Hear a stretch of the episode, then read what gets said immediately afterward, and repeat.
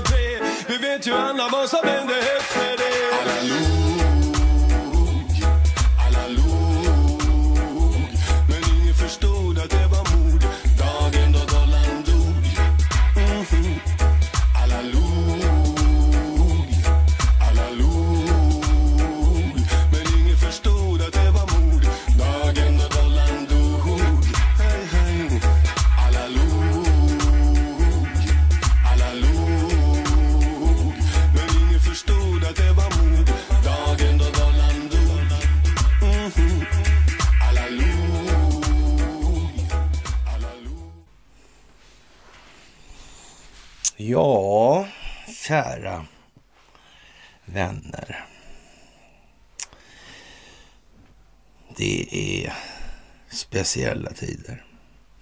Mycket speciella tider. Ja, det är det. Många är stressade nu. Mm. Ja.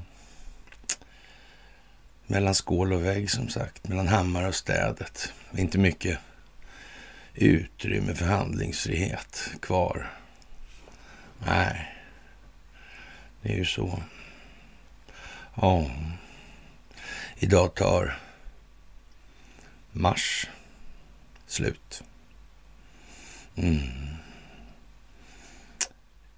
Morgon börjar det droppa. Droppandet kommer att tillta.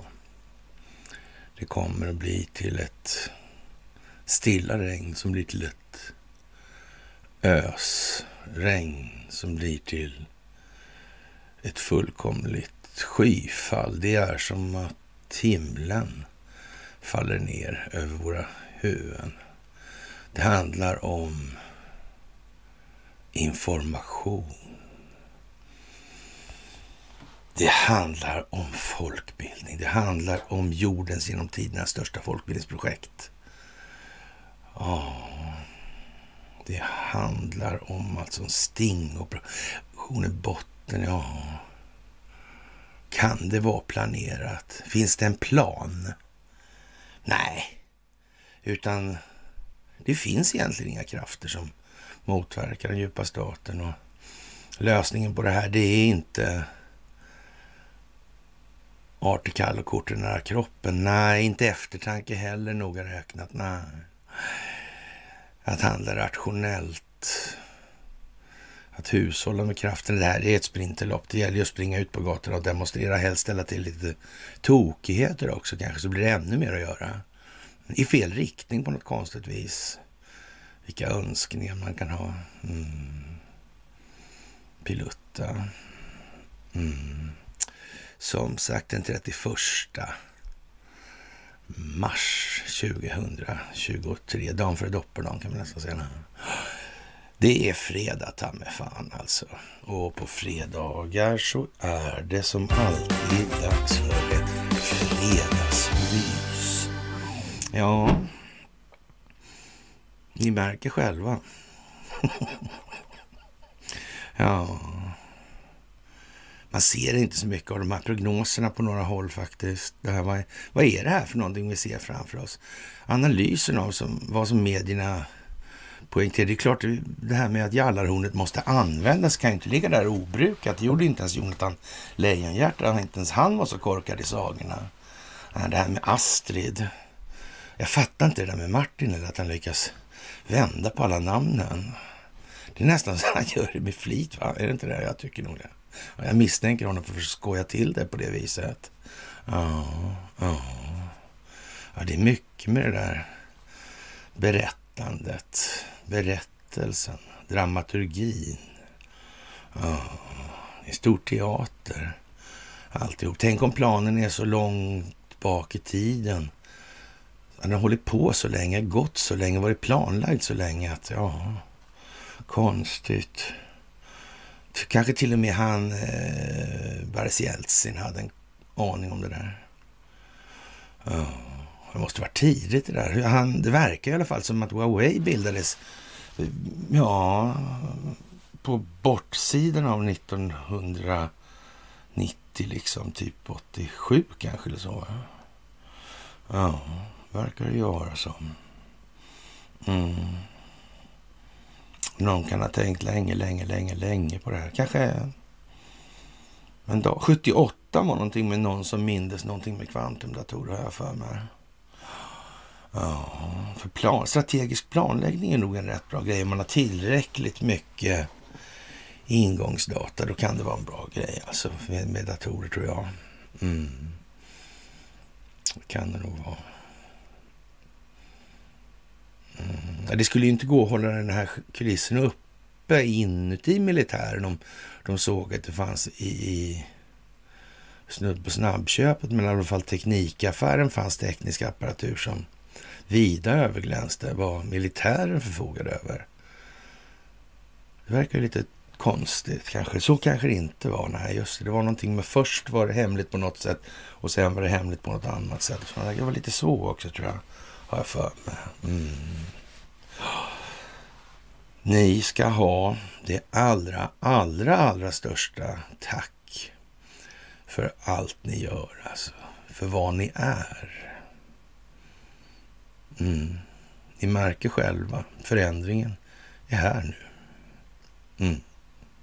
Tack för gåvor på Swish och Patreon. Tack för att ni fördjupar er på karlnorberg.se.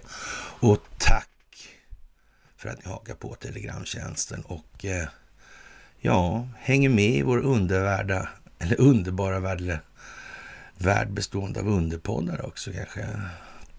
Underligt hur det kan bli. Det här med ord, svenska, bankprosa. Ah.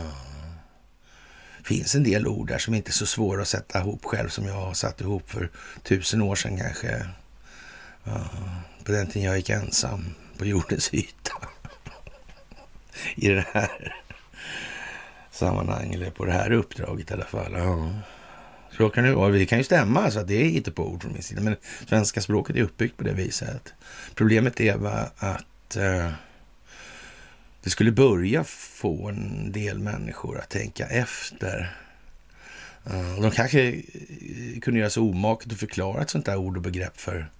För trots allt så är svenskan uh, ekonomiprosans högborg tror jag på något vis. Syns det på något vis i merittabellerna eller sådär? Hur man uttrycker det där egentligen? Rankinglistorna. Mm, de fina priserna till exempel. Mm. Bekräftelsen. Mm. Ja, det är ju märkligt. Det är väldigt märkligt faktiskt sådär. Ja, faktiskt, faktiskt. Och vi har ju sagt det här med... Vi hoppas ju lite på det skarventet. Nu kan man säga att nu är det i alla fall uppbullat för det på så vis. Men i så fall ser det nog nästan ut som att USA måste in i den delen av ekvationen. Och då slår ju även det in i Sverige den vägen. Mm, det gör ju det. Konstigt. Om Ryssland hotar Sverige säger regeringen att NATO-länderna lovat att hjälpa oss. Men eh, med Sverige utanför NATO är det oklart hur mycket löftena egentligen är värda eftersom de prövas först om något inträffat. Mm. Just det, och nu är ju Finland där, är ju med redan. Så de går ju rakt in i det här underrättelsetjänstsamarbetet med full. Undrar vad som finns där. Ja, undrar det ja. Mm, tillgängligt ska det vara i alla fall, för det är ingen som tänker skydda någon annan om man inte vet om var de står någonstans. Det verkar Man kan inte sätta landet på krigsfot ja, utifrån man inte vet förutsättningarna. Vad är det för jävla dumheter? Det verkar ju helt hopplöst korkat. Ja. Mm. Kanske är det här eh, geofensat. Kanske har man varit så jävla dum så man har försökt radera information. Skulle det kunna vara så? Mm. Ja. Kan någon ha tänkt på det? Men det finns ingen plan alltså. Det ska man ha jävligt klart för sig. Va? Det ska man ha. Man ska ut och demonstrera. Mm. Kan de påminna mig om vad de här demonstrationerna någonsin har lett till för någonting som inte redan var i så fall har bestämt redan innan att det skulle bli så? Inte? Nej, nej. Varför skiljer vi oss lite grann från andra länder i de här sammanhangen där faktiskt demonstrationer möjligen skulle kunna ha en pedagogisk effekt? Vad är det som skiljer Sverige från omvärlden i de här sammanhangen när det kommer till den djupa staten? Mm. Har de hand om vår telekominfrastruktur? Har de hand om vår kraftförsörjning? Sköter de regleringarna av våra banker? Alltså inte det, nej. De har inte hand om vår natur, våra naturresursutvinningar heller. Nej. Eller vår naturresursutvinning. Nej, det har de inte. Nej, det är det där som är lite svårt att veta. Den 11 maj förra året tog statsministern Magdalena socialdemokrat emot Storbritanniens dåvarande premiärminister eh, Boris Johnson. Då, han den där eh, Boreas där, han har så mycket nordanvind i håret. Uh, på Harpsund efter den eh, traditionsenliga roddturen förlåt, alltså, i Ekan på sjön sa han så här att vi sitter i samma båt, både bokstavligt och bildligt. Om Sverige attackeras och, och begär skydd av oss så kommer vi att ge det. På Harpsund undertecknade Boris Johnson och Magdalena Andersson en deklaration om att solidariskt hjälpa varandra, inklusive med militära medel vid en attack. Ja, vad är en attack då? En cyberattack? Mm. Det är ett sånt, ja. Mm. Det är, ja, konstigt. En attack, ja. Mm. Ja, liknande försäkringar om stöd, de flesta muntliga givetvis, gavs av Tyskland, Frankrike och våra nordiska grannländer. Löftena gäller för tiden mellan en svensk NATO-ansökan och Sveriges full, fullvärdiga medlemskap i alliansen. Det är först vid det formella inträdet som Sverige omfattas av NATOs säkerhetsgaranti, paragraf 5 då, och den gemensamma försvarsplaneringen enligt NATO-fördragets artikel 5. Inget eh, av de enskilda NATO-ländernas löften är juridiskt bindande, men det bidrog ändå till att Magdalena Andersson kände sig trygg, skriver Svenska Dagbladet i alla fall, då hon den 15 maj gav beskedet att Sverige på grund av Rysslands storangrepp på Ukraina skulle ansöka om medlemskap i NATO. Mm, som sagt, vi undrar om det här är planerat på något vis eller det bara blev så här alltihopa. Slumpens skördar alltså. Kanske. Mm. Fyra dagar senare tog USAs president eh, här underlivsparslin som har det fått det föga hedervärda uppdraget att eh, vaska ur det här systemet. Och det är därför han kommer från New Sweden för att få ihop det här riktigt ordentligt. Tog han i alla fall emot Magdalena då och Finlands president Niinistö i Vita husets rosenträdgård. Ja, socialdemokratisk blomma ja. Mm, Biden, Biden, Biden underlivsbidén kanske, men underlivsporslinet lovar att uttryckligen avskräcka och konfrontera varje aggression under Finlands och Sveriges anslutningsprocess. Mm. ja, deras är ju slut nu, så det vet jag inte om man har lovat det där längre då. Hur, hur är det tänkt där egentligen? Mm. Statsminister Ulf Kristersson, moderat, då, sände sin säkerhetsrådgivare Henrik Landerholm till Washington tidigare år vid ett möte med Bidens nationella säkerhetsrådgivare Jake Sullivan. Den 2 februari så upprepade Sullivan ordagrant underlivsporslinets löfte. Enligt försvarsminister Paul Jonsson, moderat, har utfästelserna till Sverige blivit mer konkreta efter NATO-toppmötet i Madrid i juni då Sverige fick status som inbjudet land, en invité alltså. Återförsäkringarna är mer tydliga och Eh, från fler länder. Eh, de här utfästelserna framförs muntligt, men de kombineras också med ett aktivt övningsmönster och, och, som NATOs generalsekreterare uttrycker sig vore det otänkbart att NATO inte skulle agera om vi utsatts för kris eller krig. Eh, det är ju en starkare markering än vad NATO sagt innan vi fick invitistatus, säger Paul Jonsson. Mm. Ja, jag vet inte. Ja. Vad är de här övar för någonting då? Terrängkännedom kanske? Ja. Mm. Sveriges situation ändras nu. Man övar transporter också mycket. Det är konstigt. Här? Ja.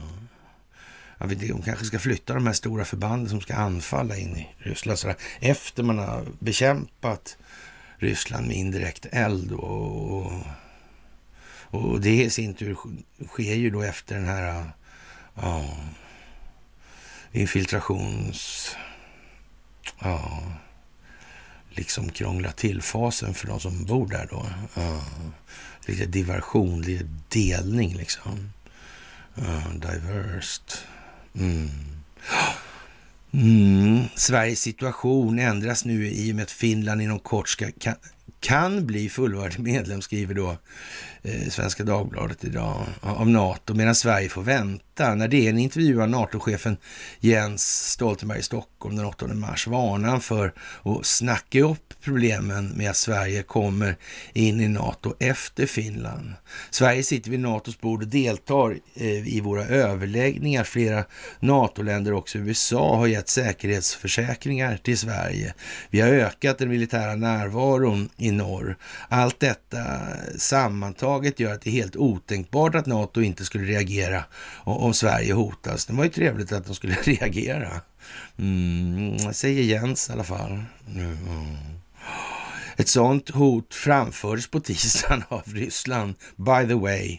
Ja, Sverige, ambassadör Viktor Tatarintsev som pekade ut Sverige som ett legitimt mål för ryska vedergällningsåtgärder om detta verkligen skulle inträffa så prövas hållfastheten i de enskilda NATO-ländernas försäkringar. Tänk vad konstigt att det där kommer upp nu.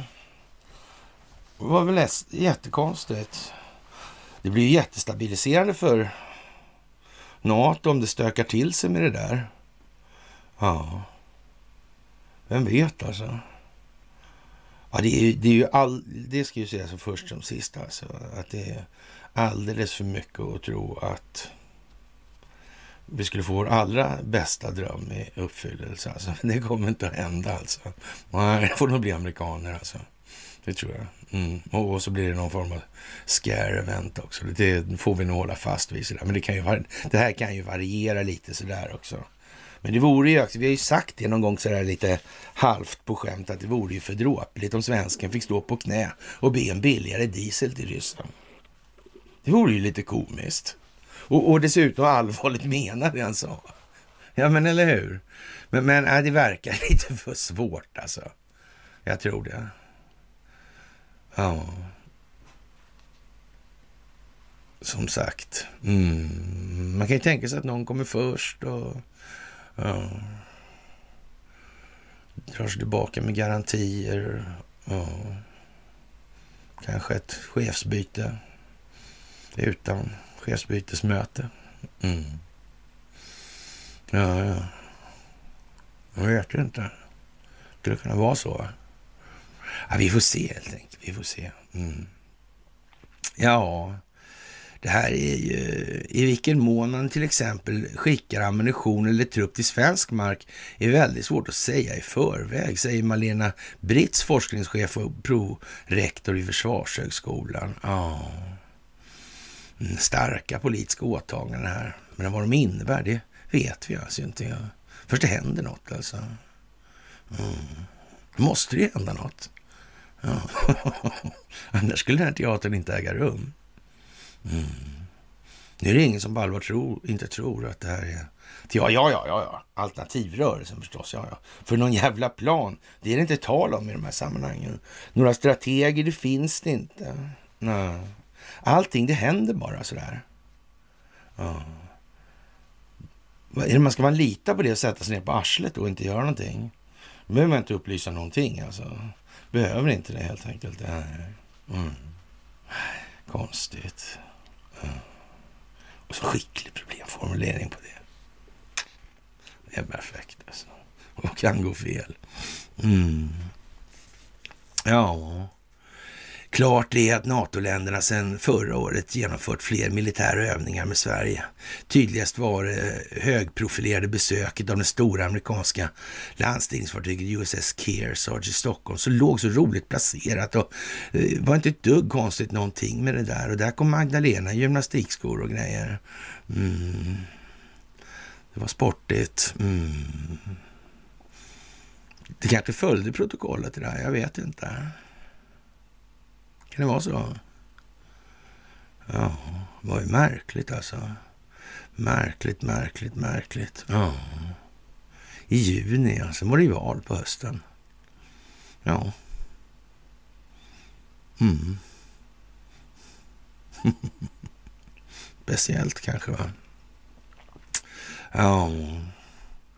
Och i september kunde DN redovisa hur många övningar mellan USAs förband och Sverige, svenska enheter som skett i stort sett varannan vecka. Det mönstret har fortsatt. Ja. Därutöver leder Storbritannien övningar i styrkan Joint Expedition Force, där Sverige och grannländerna och NATO ingår.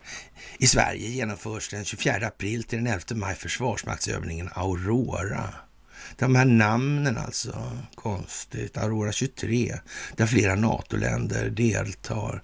Det är tydligt att det sker förberedelser bland NATO-medlemmar, Sverige och Finland, för olika scenarier alltså, som rör sig runt Östersjön och Arktis, säger Malena Britz.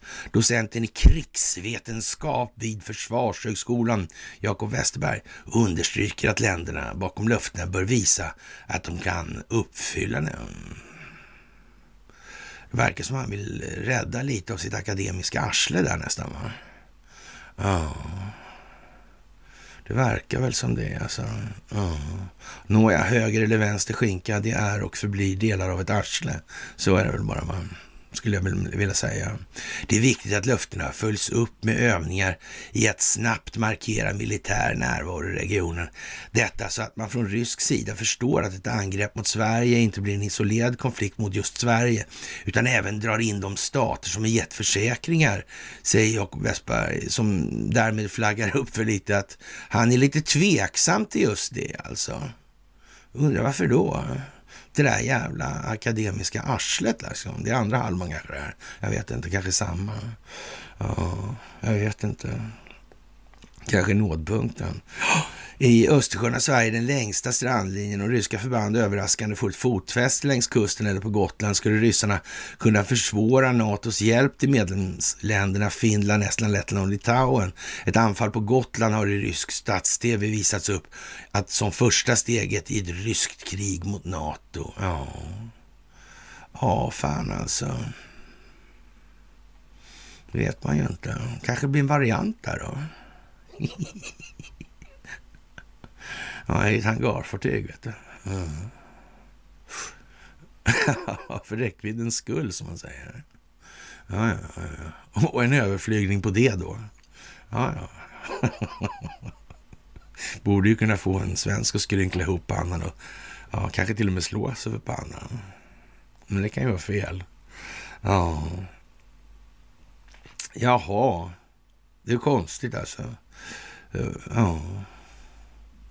Norden och Östersjön, ja. Mm. Ja. Mm. Det är ju märkligt alltså. Mm. Operationsområde. Alltså många av de, de förstärkningar som i ett krisläge behövs i Finland och Baltikum kommer mycket lättare över Sverige. Mm. Om Ryssland skulle ta kontroll över Gotland har de möjligtvis eller möjlighet att spärra av stora delar av Östersjön med hjälp av robotsystem. Ja, det är ju det alltså. Ja, det kan, man kan ju se det där på lite olika håll alltså. Åt lite olika håll och ur lite olika perspektiv. Men om de här robotsystemens räckvidd är ännu lite längre än så liksom. Så man kanske inte behöver det där för räckviddernas skull överhuvudtaget. Jag vet ju inte om det är så, de talar inte om, utom för svenska medier då, vad de har för prestanda på vapensystemen, men annars. Lite, jag försökte faktiskt det där med Hultqvist en gång, det kanske ni kommer ihåg. Jag och Marcus gjorde det. Mm. Det gjorde vi. Ja, konstigt hur det kan bli alltså.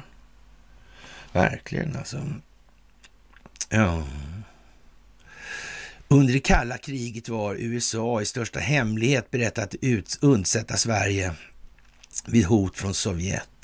Orsaken var att NATO-länderna Norge och Danmark inte kunde försvaras om sovjetisk trupp intog delar av Sverige. På samma sätt blir det svårt för NATO att försvara Finlands eh, 1300 kilometer långa gräns mot Ryssland utan att kunna använda det strategiska djup som, som svensk territorium utgör. Jag skulle tro att den logik som gällde under kalla kriget gäller motsvarande utsträckning idag, säger han. Mm. Ja, kan man nästan säga, men man får nog lägga till då alltså, eh, givet den eh, rådande teknologiska utvecklingsnivån på de strategiska systemen får man nog nästan lägga till. Men det kanske inte han ville göra.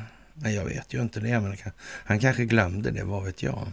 Orsaken var att NATO-länderna Norge och Danmark inte kunde försvara som Sovjetiskt intog de delar av Sverige. På samma sätt blir det svårt för NATO att försvara Finlands 1300 kilometer långa kust. Jag vet inte, hur menar han alltså? Ja, samma logik här alltså. Mm. Ja. ja, det skulle alltså vara i NATO-ländernas eget intresse att under, undsätta Sverige. Ja. Och enligt de löften som har getts i regeringen, Andersson och Kristersson där. Konstigt alltså. Det är, dubbel, det är dubbellovat liksom på båda sidor om valpunkten. Mm.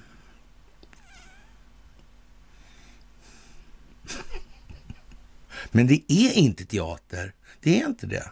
Nej, det är inte alls det faktiskt. Det är faktiskt inte det. Nej.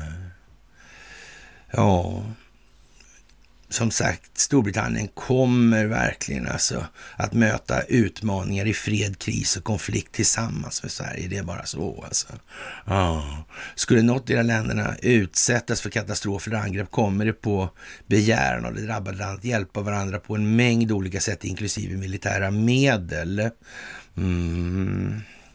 Ja, detta dokument är en politisk deklaration, inte ett juridiskt bindande åtagande enligt internationell rätt, lägger han till där. Ja.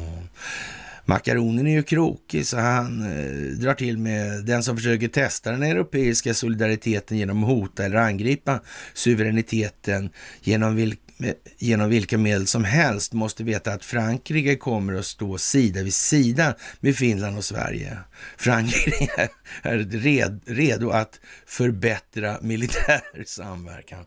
Ja, mm. ja. ja, det är lite sådär va. Det är lite bonkomik det här tycker jag. Ja, USAs resident och han säger att vi kommer att arbeta tillsammans för att tillsammans förbli vaksamma mot hot mot vår gemensamma säkerhet och avskräcka och konfrontera varje aggression under Finland och Sveriges anslutningsprocess alltså. Mm. Ja. Ja, det, det, är ju lite udda alltså. Det där är, får man nog säga är... Ja, men väl så målande kan man väl nästan dra till med. va? Och, och här strömmar förtjänstfullt konstaterar nästan lakoniskt faktiskt ett scare event och löftenas eh, värde eller validitet drar vi till med då. Prövas i ljuset av verkligheten. Kan det vara en grej det här med NATO också? det? Kanske måste den här solidaritetspakten testas en gång för alla. Så kan det vara. Så kan det ju vara. Ja. Ja, men alltså, det vore ju för jävla surt alltså och, och, om Korn har skrivit oss rakt på näsan. Alltså inte att han har gjort det själv då, men ja. Han är nog ungefär på den nivån han verkar vara faktiskt. Jag tror jag. Det är nog bara det som skulle göra det möjligt att gå i land med en sån pryl. Ja, det är det ju faktiskt. Mm. Vad var det? Ensekundskriget eller vad fan vad bara han kallade det för. ja. Ja, ja. Mm. För gamla goda, för gammal god vänskaps skull alltså. Ja. Kan man ju säga. Ja, ja, vi får se alltså. Det blir ju liksom anpassat efter, ja, ska vi säga det 80-procentiga mindsetet. Det är ju det liksom. Så, så, ja. Och med hänsyn taget till hur, till exempel jag, som varnande exempel, eh, uttolkar den allmänna förståelsen. Mm. Ja. Det är ju som det är, som sagt. Ja, så är det ju. Men så måste det faktiskt vara också. Det finns till och med sån här effekt, va? Någonting med Kryger och da, da, da, någonting sån där effekten, va? Ja, eller den Kryger-effekten kanske det var. Ja, mycket speciellt alltså. Ja, eh, vad ska vi säga? Den här Ukraina-konflikten är är ju liksom rätt så givet vad det är nu då. Ja, jag tror inte man egentligen behöver orda så mycket om det faktiskt. Ja. Idén med att skicka Europeiska unionens egna fredsbevarande trupper till Ukraina. Ja. Det, det, det verkar ju lite tokigt alltså. Springa runt där bland legoknäckta för säkerhets skull också. Det verkar ju sällsynt lyckat. Mm. Ja, jag vet inte. Ja, den här specialoperationen som äger rum nu i Ukraina, det har alltså hela tiden varit den enda möjliga vägen fram. Man har provat alla andra vägar för att försöka nå resonans i kommunikationen. Det har inte varit möjligt. Nej, och därför måste det bli så här. Ja. Mm. Ja, det är speciellt alltså. Får man väl säga. Marcus Oskarsson är som vanligt i framkant på de här grejerna. Alltså han, han eh, tycker det är, är, lite anmärkningsvärt med den här finansiella eh, tillgångsprisinflationsräddningen. Alltså. Re, beslut från regeringen har höjt inflationen då genom att eh, man har delat ut det här elstödet. Mm. Folk, de betalar inte räntor med de här pengarna heller. Så här. Och, och, att man betalar de här räntorna innebar ju att man likviditetsförsörjde eller försörjde de här lånekostnaderna med likvida medel alltså. Ja. Man sköt liksom upp haveriet där på något vis. Mm. Mm, kanske man behövde det för att få saker och ting att ske i fas. Det är ju gubevars april. Ja, vi har ju hört att det ska regna. Ja, inte kanske på det sättet som vi tänker på först. Även om vädret har blivit så mycket sämre sedan det centraliserades till Norrköping. Mm. Ja, man vet ju inte riktigt. Ja, inflation, ja. Det visar sig ju inte vara de här prishöjningarna. Nej. Och prissänkningar var inte deflation heller. Det verkar inte på något vis hänga ihop. Det var det där med bankprosan, det var det där med svenskan, det var det där med språkvården. Ja, just det. Vad konstigt. Kan det vara en tanke? Inte? Ja, man får väl hoppas att det går bra då, att vi har tur då kanske. Ja. Ja, EUs största dröm och EUs e politikers största dröm. Ja. För att komma undan allting alltså. Mm. Det är väl så liksom att det är många som i EU och kanske alla som har varit i EU också har på något vis en aning om mer saker än vad de har delgivit sina befolkningar. De har kanske inte haft syftet med upplysning. Det finns extra näriga jävlar som har ja, bitit sig fast där nere ordentligt. Ja. Ja. Jag såg ett roligt klipp i morse. Jag fick dem Martin, tror jag det var. Mm. Det var om Aftonbladets redaktion där. Men en arbetsdag. Mm. Anders satt där.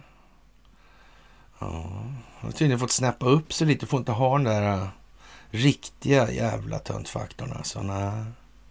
Ja, den har han klarat sig på länge ska jag säga. Ja. Det är som sagt bara genom att spela dummare än vad man är som man lurar folk. På, I längden så att säga. Mm. Det ska man nog tänka lite grann på. Fler borde nog tänka på det. Kanske. Ja. Det ser lite dumt ut en del saker. Eh, som, ja, men man förstår inte riktigt vad är anledningen till det där egentligen. Är det där, där eller där? Det kan inte vara det där i alla fall. Det är helt säkert så här. Det kan vara det där eller det där på den sidan. Ja, det är ena sidan av arslet. Mm. Eh, inte så charmerande i och för sig, men jag kan göra fel. Naturligtvis, det är helt subjektivt alltså. Mm. Ja, jag vet inte egentligen det här med hur ska det bryta ut och vem ska göra vad? Vad är initialskedet som får ska de, de kan ju inte sänka en Lusitania eller sådär va? Det tror jag inte. Nej. Nej. Det här med starten på andra världskriget där. Ja, det var ungefär när Fed bildades by the way. Ja. Lite konstigt det kryper ihop liksom. Ja. Ja, NATO är ett dåligt argument för demokrati, säger någon som heter Per Salander, en professor emeritus. Och jag vet inte, ska vi lägga någon tid på, på sånt egentligen? Vi är väl nästan, i princip färdiga med det där. Det är ju sånt, inget som är nytt och det är ingenting som har tillkommit i den biten och det är ingenting som är oklart. Eller... Vi har redan publicerat föreläsningar och vi har inte vet jag hur många videoklipp på Youtube och så vid Facebook och så vidare på temat. Det är lite konstigt. Mm, det är det ju. Det är det. CIA, ja. ja. Och Donald Trump, ja. Han tror att det kommer gå jättetokigt här nu när han ska bli stämd. Ja. Det kommer att slå tillbaka på de som hittar på det här. Det tror jag också faktiskt. Det tror jag, är jag nästan helt säker på faktiskt. Och, eh, ja, det är jag helt säker på. Och Demokraterna har ljugit och fuskat och stulit i sin besatthet av att försöka få Trump på pottkanten alltså. Ja. Men nu har de gjort det otänkbara att åtala en helt oskyldig person i handling av uppenbar valinblandning alltså i anledning ska jag kanske säga egentligen. Ja. Och, och, det här är ju en otrolig nationell eh, förlägenhet för amerikanarna då nu och eh, den här eh, distriktsåklagaren Alvin Bragg då och, och eh, handplockad och finansierad av George Soros. Mm. Han är både, eh, ja, mm, en skam och ett bedrägeri helt enkelt. Mm. Det är ju lustigt det här alltså. Och ja, han postulerar ju då Donald Trump att det här kommer att slå tillbaka massivt på Joe Biden. Ja, jag vet inte. Och Mike Pompeo lägger sig i och säger att distriktsåklagaren i fråga undergräver USAs förtroende för det egna rättssystemet. Mm. Ja, konstigt. Mm. Ja, kan det stämma det här verkligen? Verkar inte det helt tokigt faktiskt? Ja, jag tycker det. Ja, EU-union, man pratar om att skicka fredsbevarande trupper. Mm, det var ju aldrig aktuellt ens att skicka vapen förut. Nu ska man skicka trupp också, boots on the ground. Ja.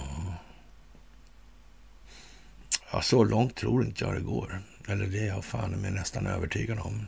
Men man vet ju inte kanske, för syns skull vet man aldrig. Det vet man aldrig, aldrig, aldrig. Och det här med att våra eh, ramar, vår hage, vår eh, vanliga tillvaro håller på och ja, rämna sönder helt enkelt. Det är en rutten gammal gärdsgård alltså. Nu bara faller den. Ja, det ser inte ut som vi trodde helt enkelt. Rädsla för frihet är i verkligheten en slags ångest, alltså rädslan, eh, rädsla för det kända och, och det välbekanta, medan ångest är rädslan för det okända, det som vi inte vet liksom riktigt, eller vad, vi kan inte ens tro, vi har ingen, ja, inga referensramar i den meningen. Osäkerheten kommer där. Även om vi som människor är utformade för frihet så är vi ofta fulla av ångest inför frihet eftersom vi inte vet vad verklig frihet är för någonting. Vi vet och känner bara hur eh, det fängelse ser ut vars namn och interiör vi identifierar oss med som eh, falsk, visserligen då med frihet i alla fall. Ja, vårt samhälle ett fängelse, konstruerat både långt och stort över tid av andra intressen än våra egna och vi identifierar fängelset med vårt ansvarstagande. Mm, det är ju det största som samhället har, det är det gemensamma ansvarstagandet. Ja. Ja, även fast det är allt mer uppenbart att det är rakt motsatsa, motsatta kvintessensen av ansvarslöshet. Eh, en slavägare älskar bara en sak mer än att hålla sig med slavar. Och det är som bekant att slavarna faktiskt håller sig själva. Det är fantastiskt. Tankens boja lite grann där va. Mm, inte sätta ihop orden till långa invecklade ord. Fy! Nej, Rakt, kort, enkelt alltså. Och inget jävla hummande. Så att man tvingar, vad menar han för någonting? Och ja, han kanske menar sådär. Nej, inget sånt får man inte hålla på med heller. Nej, som att läsa innehållsförteckningen på ett paket mjölk. Det är gefundenes fressen alltså. Mm. Det är fantastiskt. Ja. Att vi står inför förändringar är knappast eh, längre en fråga som är upp för debatt. Det är dock inte eh, betydande att den globala ekonomin är ovillkorligt dömd att lida en fullkomlig total upplösning överallt. Eh, det skulle helt enkelt bara ja, vara att det kommer en ja, fruktansvärd form av utveckling inom en inte avlägsen framtid. Då. Det finns fortfarande tid att undvika fullständig och fullkomlig katastrof. För jag skulle vilja påstå att det ligger nog ändå någonstans i planen. Jag tror man begriper det på strategiskt planerande håll. Faktiskt alltså. Men ja, alla tror inte riktigt det alltså. Nej, det är det. Mm. Även eh, om det inte heller finns någon som kan förneka att vi är på väg mot betydande smärta och lidande. Alltså det kan man inte förneka på Även om det finns någon planering alltså. Eh, men man säger inte så mycket om det. Eh, vi har trots allt lyckats med konststycket att ta oss dit vi nu befinner oss och jag är inte helt säker på att det främst har varit visdom som har verkat som ledande karta till detta nu. Men ska vi nå varaktiga och betydande förändringar då, då ja, kommer det uppenbarligen att utkrävas en annan typ av engagemang. Även om de styrande då på något sätt eller vis fortfarande lyckas undvika de allt tätare förekommande isbergen rakt fram då. Naturligtvis försöker makten egentligen inte alls undvika isberg utan de försöker bara fördröja den slutliga kollisionen där de förlorar problemformuleringsinitiativet eller i alla fall utsikterna till att få ett problemformuleringsinitiativ. Nu har de inget utrymme alls kvar. Alltså försöker de då verka så att eliten kan förbereda sig, vinna tid. Ja, men det tåget har nog ändå gått alltså, egentligen om man tänker efter sådär. Och, och nu är den här skriven för 200 år sedan, eller vad säger jag. Mm för att frodas vidare som nästa utgångsläge för att kunna dra nytta av konsekvenserna. Det är lite samma grej hela tiden alltså. De vet att systemet är dödsdömt, men de vet eh, däremot inte alls hur de ska hantera konsekvenserna av det här och denna ovillkorlighet till sin egen fördel. De ser bara nackdelar nu alltså. Därför är det lite dålig stämning på sina håll helt enkelt. Men hys därför inte heller några som helst tvivel om att deras främsta syfte är att konservera sin egen personliga maktsituation, alltså gynna sig själva. Och alltså verka vilseledande eftersom ledning är altruism och inte diskriminering. Så kommer de att fortsätta och fundera vidare på den här saken och, och inte börjar man ska rädda andra människor eller så. Nej, det gemensamma är inte så intressant. Så valet av att inte engagera sig nu i det här läget, det kommer att föra med sig allt mer ödesdigra konsekvenser för alla som inte vill bry sig. Mm. Och det gäller ju som sagt att ha en rätt så välgrundad problemformulering, det kan man ju säga. Mm. Det är lite viktigt vårt socioekonomiska system som medan det påstås ha skapats för att gynna alla, men inte nödvändigtvis lika då alltså, i själva verket eh, ja, ett eh, fullkomligt uppenbart verktyg som används för att undergräva, utnyttja och förslava befolkningen till förmån för de få i toppen av strukturen som faktiskt drar nytta av det här och den makt som äger oss alla andra genom systemets inneboende mekaniska funktioner, natur och karaktär. Ja, ingen kan längre förneka det här. Men fortfarande är alldeles för få villiga att offra någonting alls för att skapa en förändring. Mm. Och ännu så mycket mindre vill människor vara, utgöra en del av den där förändringen i den delen. Man vill ha sina tillgångar på något vis. Alltså som man uttrycker att man så gärna vill se hos andra. Men vad är det för fel på det då? Det vill ju människorna inom och bakom Investor också.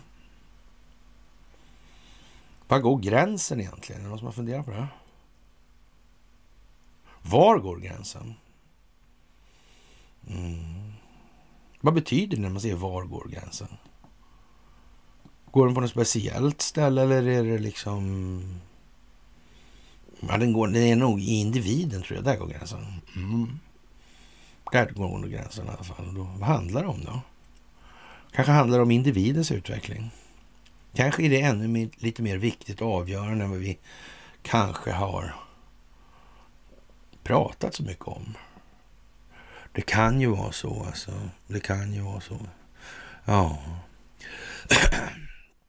Alldeles för fåtaliga är fortfarande de människor som ens tar något som helst ansvar för sina egna tankar och känslor. Enskilt som individer och deltagare i ett samhälle. Utan de flesta överlämnar istället fortfarande bredvilligt ansvar för de här betingelserna till andra. Ja, bara allt för glatt och välvilligt till de intressen som egentligen främst vill oss alla andra och, och välvilligt till de som... Uh, Ja, vill oss alla andra allt. Vad fan, liksom, är inte det konstigt att det går att göra så? Mm. Det måste bygga på någon form av vanföreställningar någonstans. Alltså, jag tror det. Är det mycket det att göra så mycket innan det är någon ordning på det där så att det är mottagligt för att man gör någonting? Är det inte risk att de bara liksom... Ja, man lyckas förklara det ska inte springa ut över den där stupkanten, det går åt helvete. Ja, och det har de. Alltså. Så vänder man lite på klacken, då rusar de i alla fall. Det går inte, så kan man inte ha det. Nej, nej. Ja, pinsamt nog sker det här med mm, samma syfte hos båda parterna. Mm, det är ju det. Det är ju pinsamt det här alltså. Faktiskt. Ja. Ja, HD friar tidigare dömd politiker för hets mot folkgrupp i dagens juridik. Hm. Och det var ju så här jättekonstig liksom folkgrupp. Men det gäller kanske inte samma för alla sådana här indelningar. Det är olika på dem, eller? Det är 1,4 på en och 0,6 på någon annan och sådär. Mm. Ja, det är ju så. Det är märkligt det där alltså. Mm. Men då kanske man behöver ett prejudikat i den anledningen också. Mm. Mm. Hm. På temat hjärndött. Ja, det är väl han Jens Henriksson då. Han är ju liksom vald med lite omsorg i de här sammanhangen också. Han, han ger ett trevligt öppet intryck. Ja, det gör han faktiskt. Det är ingen tvekan om att de som håller på med bildsättning har förstått det också. Mm. Då, ja, och, och, nu är det, är det så illa, tycker Jens, att, att ja, han, han är skeptisk till slopade amorteringskrav. Mm. Ja. Det är inte utan att man undrar om Jens anar att om det tar bort alla amorteringskrav för alltid då. Mm. Ja, då har man ju räntan kvar för alltid. Mm. Det, inte, det, skulle inte få någon att fatta några misstankar om att det är något, det är något konstigt med det här. Mm. Det, det, verkar så. Han, han, tror att den pedagogiska vinkeln är olämplig, tror jag. Faktiskt. Och, och ja, stackars, stackars eh, Jens alltså. Det är ju, och det här med, med då liksom kvotkraven, alltså man ska ha två spänn för i, i täckning per, per miljon eller tre spänn eller fyra spänn. Eller, men det spelar ju egentligen ingen roll för den så att säga, kreativa inlåningen som sen bildar fraktioner som säkerhet. Det är ju vad det är då. Och, och vän av ordning undrar ju här liksom de här eh, kapitaltäckningskvoterna. Alltså vad är det för, vad består de där, det där kapitalet av egentligen? Vad är principvärdet bakom kapitalet? Jaså? Jaha, är det också skulder? Men de är räntefria de eller? Ja, ja, ja, ja. Alltså det blir, de bidrar inte till, till en ackumulerad räntekostnadsväxt. Nej, nej, nej, det gör de inte. Nej, nej. Utan det finns kapital i botten som består av Ja, mm. Fint liksom. Ja. Det där är ju, måste man ändå säga är lite udda. Och jag är inte så helt övertygad om att det här går klart särskilt mycket längre tid i den meningen. Alltså. Det här börjar folk tycka är eh, sådär alltså. De som inte har tänkt på någonting i sådana där banor. Det är klart det är pinsamt där när oh, Finlands sak i vår liksom. Kanske dags att tänka lite här. Kanske Sverige blir ett föregångsland alltså. Amerikaner uppmanas att lämna Ryssland. Ja, alla amerikaner. Mm. Antingen de bor där eller inte. Mm. Är inte det lite upptrappning så att säga? Det kommer ju bli någon form av ekonomisk efterkänning. Mm. Sådär alltså. Ja, det är ju också märkligt alltså. Och, och Martin har, har, eh, startat ett rymdprojekt helt enkelt. Han ansöker ja, för, att, för att få finansiering från Hans. Då. Ja. Ja, han ska skicka upp barium, säger han sådär. Och, ja, Eh, jag vet inte hur mycket han vill. Vill han ha? Och 10 miljoner vill han ha. Ja, det är klart. Mm, det är bra. Det, det är perfekt. Ja, som sagt, de där myndigheterna, ja, vad de pysslar med egentligen, det är... Det blir allt mindre klart helt enkelt. Ja, det kan man säga. Mm. De här myndigheterna är konstiga alltså. Ja. Åtalet mot Trump är alltså ett oslagbart bränsle, skriver Malin Ekman idag. Ja. Och jag vill ha sagt det idag att de här, när ni delar på sidan så där så, så de här raka maskinöversättningarna när, ja, alltså orden blir helt fel alltså. Ni måste läsa igenom vad ni delar i alla fall alltså. Det, det är så. Och eh, ja, och det, när det gäller det här med Stormy Daniels så är det ju så, så, med all sannolikhet så att det är han Cohen där som har advokaten som har betalat för att ha gänga med den här donnan då. Och eh, ja, Donald Trump har betalat sitt juridiska ombud med kampanjpengar. Det kan ju vara så liksom. Mm. Det kan ju liksom stämma ändå då, om man säger. Mm. Och, och, uppenbart är ju då att nu kan man ju faktiskt åtala för detta presidenter, alltså Bush och Obama då. Mm. Och Clinton. Ja, det blir en räcka. Blir det.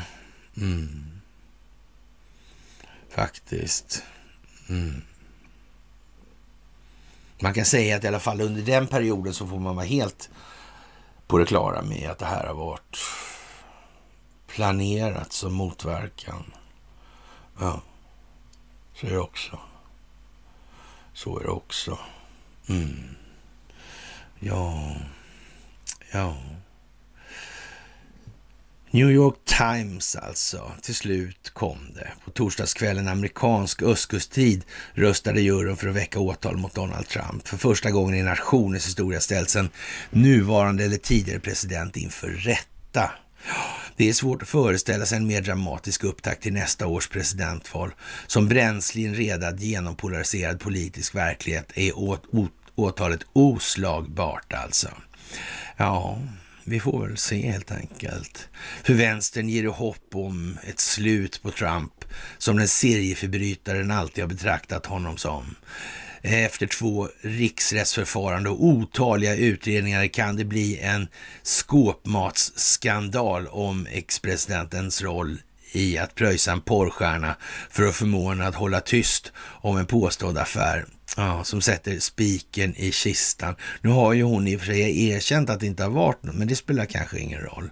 Nej, nej. Och hon har ju inte blivit, fått frågan om det var Michael Cohen det här egentligen handlade om. Nej, det har hon inte heller fått. Av någon anledning kanske. Ja, whatever it takes som man säger här då i, ja, från skribentens håll alltså. Åtalet ses som en sorts David mot Goliat-saga. Distriktsåklagaren Alvin Bragg, Manhattans första svarta, mot ex-presidenten Donald Trump. En bekräftelse på allas likhet inför lagen. Ja, det är till nu alltså. För högern är åtalet ett tecken på nationens sönderfall. På Fox News tyder parollen i rutan tredje världens bananrepublik. Lyder den där då. Ja. Representanthusets talman Kevin McCarthy anser att Alvin Bragg har åsamkat nationen oreparerbar, irreparabel skada kanske det heter va? Eh, och försökt påverka presidentvalet genom att beväpna rättssystemet. Och vad är det för jävla svenska alltså? Det är sånt som de här maskinöversättarna, alltså vadå beväpna? Att använda rättssystemet som politiskt vapen. Påverka rättssystemet så att det kan användas som politiskt vapen. Men vad då beväpna? Så, så säger man inte. Det, det är ju, ja. Och, och, det blir ju ett begrepp snart då naturligtvis. Och sen är det ingen som vet vad det är liksom. Vad då beväpna? Har de vapen på sig eller vad fan är frågan om? De ska gå med eldhandvapen där då? Eller hur, hur vad, är det, vad menar man med det där egentligen? Så det, Ja, ni ser. Många amerikaner tror att den, amerikansk, eller den demokratiska åklagaren Braggs motiv är politiskt. I en opinionsundersökning som CNN hänvisar till instämde 93 procent av republikanerna, 29 procent av demokraterna och 70 procent av de oberoende väljarna med påståendet. Åtalet lär få politiska konsekvenser, men det är svårt att förespå vilka. På sitt CV har Alvin Bragg onekligen en ny merit. Med åtalet har han lyckats med något andra försökt i flera år och dessutom uträttat något historiskt. Men det är inte säkert att Demokraterna partiet Bragg tillhör och, och kandiderar för gynnas. Opinionsundersökningen ovan ger en fingervisning. Även om juridiken står på egna ben riskerar åtalet att befästa bilden av Demokraterna som ett makthungrigt etablissemangsparti som använder alla metoder det kan för att sätta dit sin främsta politiska fiende. För Republikanerna innebär åtalet ännu en ny möjlighet alltså att inskärpa bilden av det då. I CNNs maratonsändning om åtalet säger en republikansk källa att det går att vara emot åtalet och Trumps kandidatur på samma gång. Så då lär också Trumps republikanska rivaler förhålla sig till saken, så lär de förhålla sig till saken i valrörelsen. Mm. För Trump är åtalet ett tveeggat svärd. Det kan man inte säga, men det får man säga i Svenska Dagbladet. Då. Ett, uppenbar, ett uppenbart hinder och samtidigt en möjlighet till martyrskap. På Fox News uppmanar partikamraten och senatorn Lindsey Graham tv-tittarna att donera pengar till Trumps juridiska kostnader. Huvudpersonen själv lär föredra ett spektakel. Till sina rådgivare ska han ha sagt att han vill iföras handfängsel, en perfekt demonstration av offerrollen inför tv-kameror och anhängare. Mm. Senaste nytt är alltså att Trump ska ja, lämna in sig själv tidigt nästa vecka. Då. På tisdag sades det ju. Mm. Tekniskt sett kan han fortfarande kampanja även under åtal, men, men eh, kommer han att förlora väljare? Ja. Som sagt, eh, Trumps chans är att den här eh, känslan det skapar faktiskt gör att det kommer fler väljare. Ja, det kan man ju säga. Ja, förra veckan visade han sig från sin mest labila sida, heter det inte sin labilaste sida, när han varnade åklagare Bragg för död och eh, destruktivitet. Eh, jaha, död och förintelse heter det på svenska tror jag, men skitsamma. Och la upp en bild på sig själv ihållande ett, eller hållandes ett baseballträ bredvid en bild på Braggs ansikte. Ja, den här sortens utspel lär knappast gå hem utanför de kretsar av redan frälsta. Nej. Nej. Mm. Nej, jag vet inte. De verkar lite tjuriga helt enkelt. Och det där är jättedumt skrivet. Och, ja. Det där är ju konstigt alltså. Ja.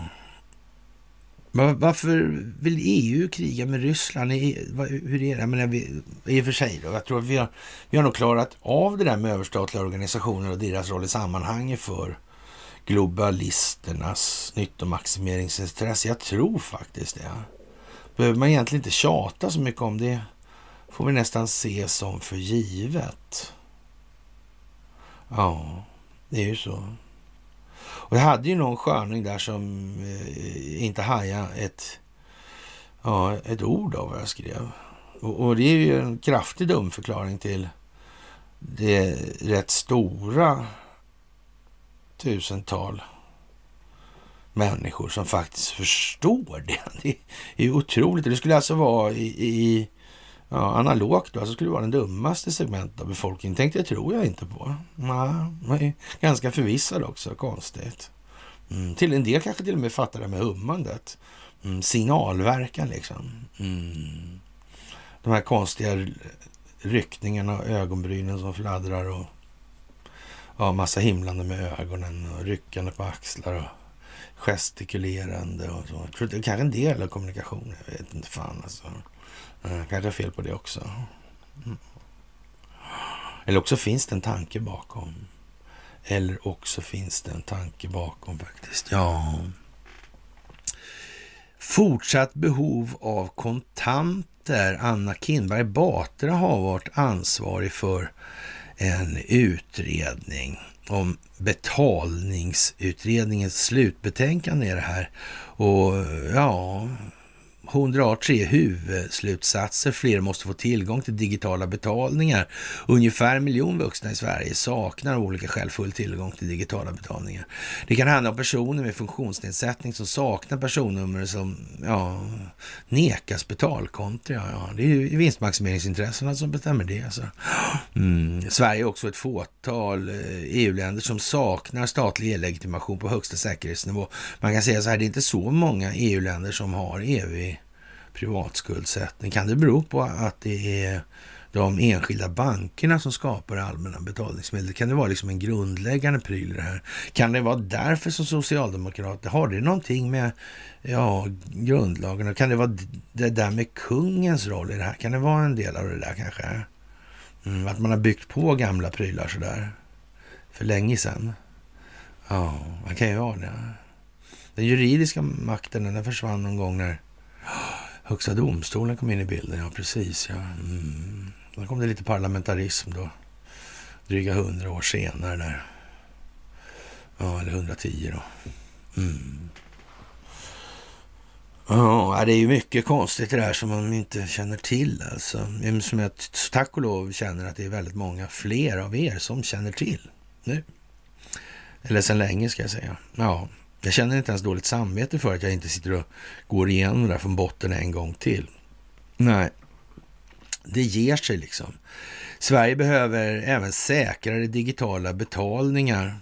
Digitala betalningssystem med flera delar samhällskritiskt eh, in, infrastruktur, alltså i likhet med alltså kontosystem och så ja, eh, exempelvis riksvägar och stamnät för elektricitet som kontrolleras av Ja, för denna grundläggande systemsäkerhet måste staten ta ett större ansvar både genom att själv ta ansvar för till exempel säker e-legitimation eh, och genom att ställa ett krav på privata aktörer som utför viktiga uppgifter. Ja, man kan väl säga så här, det vore kanske inte så är det helt olämpligt, olämpligt att man hade, alla hade ett konto på, låt säga Riksbanken.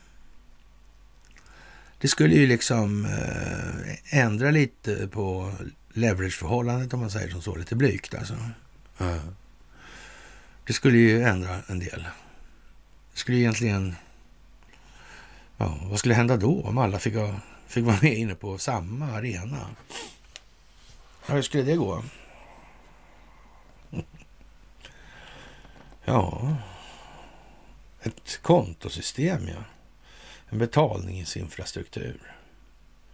Man börjar där och ser vad som händer då kanske. Jaha. Ja. Mm. Och sen så gäller ju lika för alla naturligtvis. Mm. Kanske man kan sälja, sälja lite obligationer. Ja, jag vet inte. Mm. Märkligt i alla fall. Ja, staten måste själv ta, ta emot de svenska kronorna ger ut lagliga betalningsmedel. Ja, det här med kontanterna. Ja, beredskapsperspektivet. Det är ju, funkar ju inte så bra när det blir stopp på de här andra elektroniska systemen. Nej. Behöver det vara så jävla bråttom då? Alltid? Nej. Kanske tempot är lite uppskruvat av den anledning. Livspusslet. Tiden för eftertanke. Mm vårt eget fängelse i vårt eget huvud, våra egna bojor, i våra egna tankar och känslor.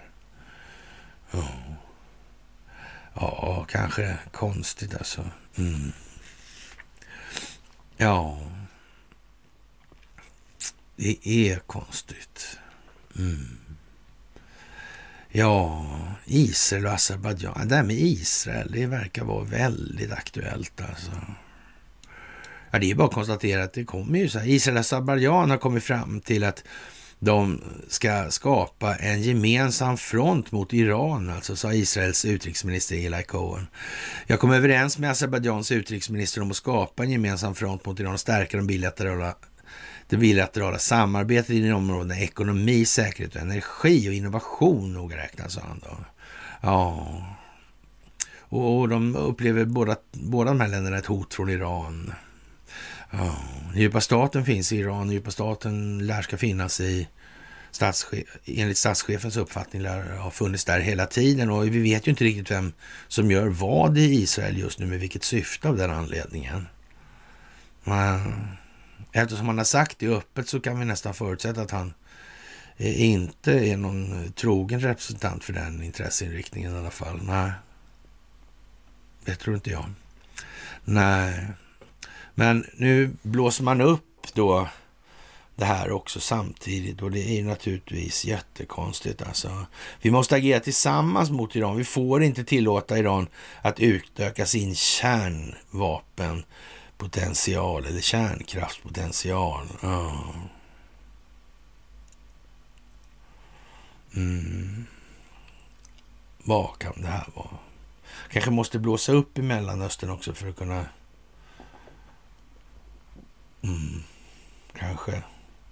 Man vet ju inte. Ja, det är som det är alltså. Och ja, Donald Trump var en öppning, ett fönster in på vad som skulle komma. Det hade aldrig varit möjligt för Donald Trump att sitta kvar och rensa ut hela träsket, eller rensa ur den djupa staten. Nej.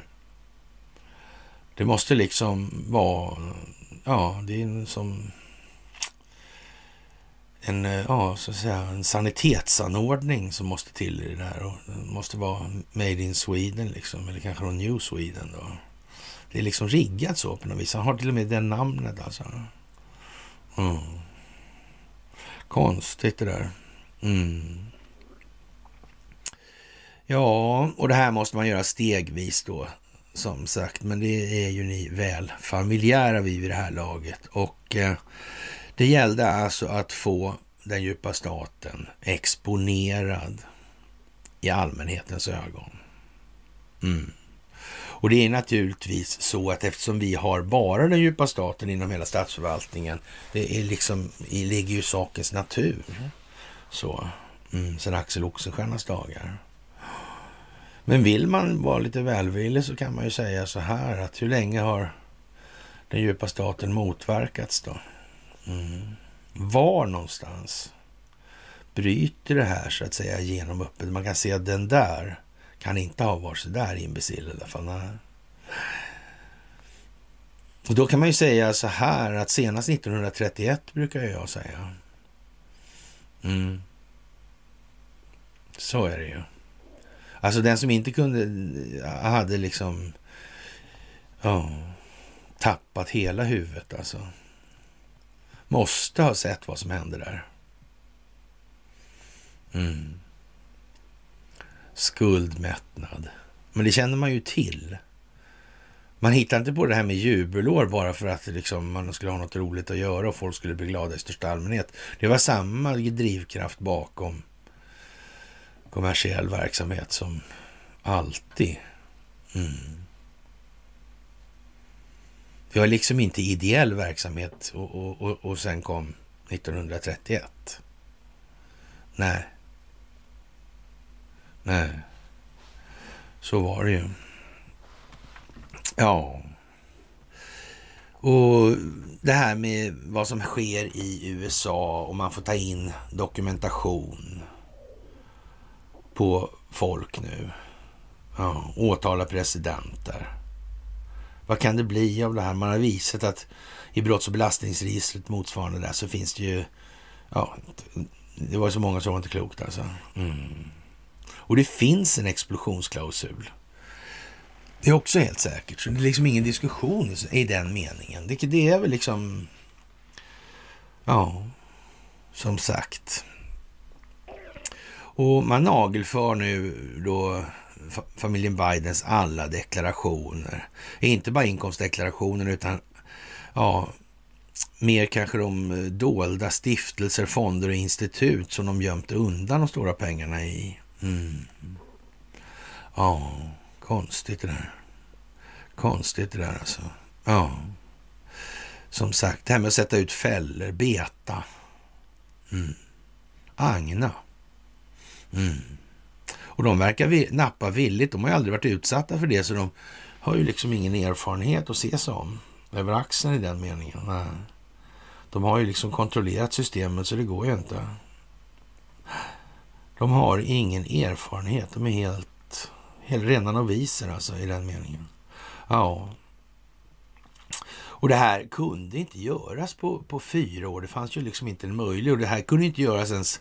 Alltså, man kan säga så här att det där fyra året är ju, det är ju en, en sekvens i det här. Ur ett perspektiv av helheten. Och, och den må ju vara den som så att säga får skapa momentum för opinionsbildningen i stort för de bredare lagren. Visst. Mm. Men, man ska ha klart för sig att det måste vara en rätt massiv apparat bakom det här också. Så oavsett vad man säger från alternativt håll så man får vara lite barnslig om man inte ser att det här är planerat. Det blir ju liksom lite fånigt. Om man sen inte kan redogöra för någonting i frågan om geopolitik eller monetärmekanik eller låt säga emotionell självförståelse i den meningen. Ja, det blir det hela lite konstigt alltså. Lite konstigt. Mm. Ja, sådär. Mm. Det, det stormar mycket i den, eh, ja, i, det, det, det ja, snapsglaset ska vi säga, för det större är det inte alltså. Nej. Ja, det där är, är jättekonstigt alltså. Vad ska det bli om allt det här alltså? Det kan man verkligen fråga sig. Jag eh, undrar mycket över hur vi sitter mycket speciellt till alltså. Speciellt den delen som så att säga ja, fortfarande inte har reagerat alltså.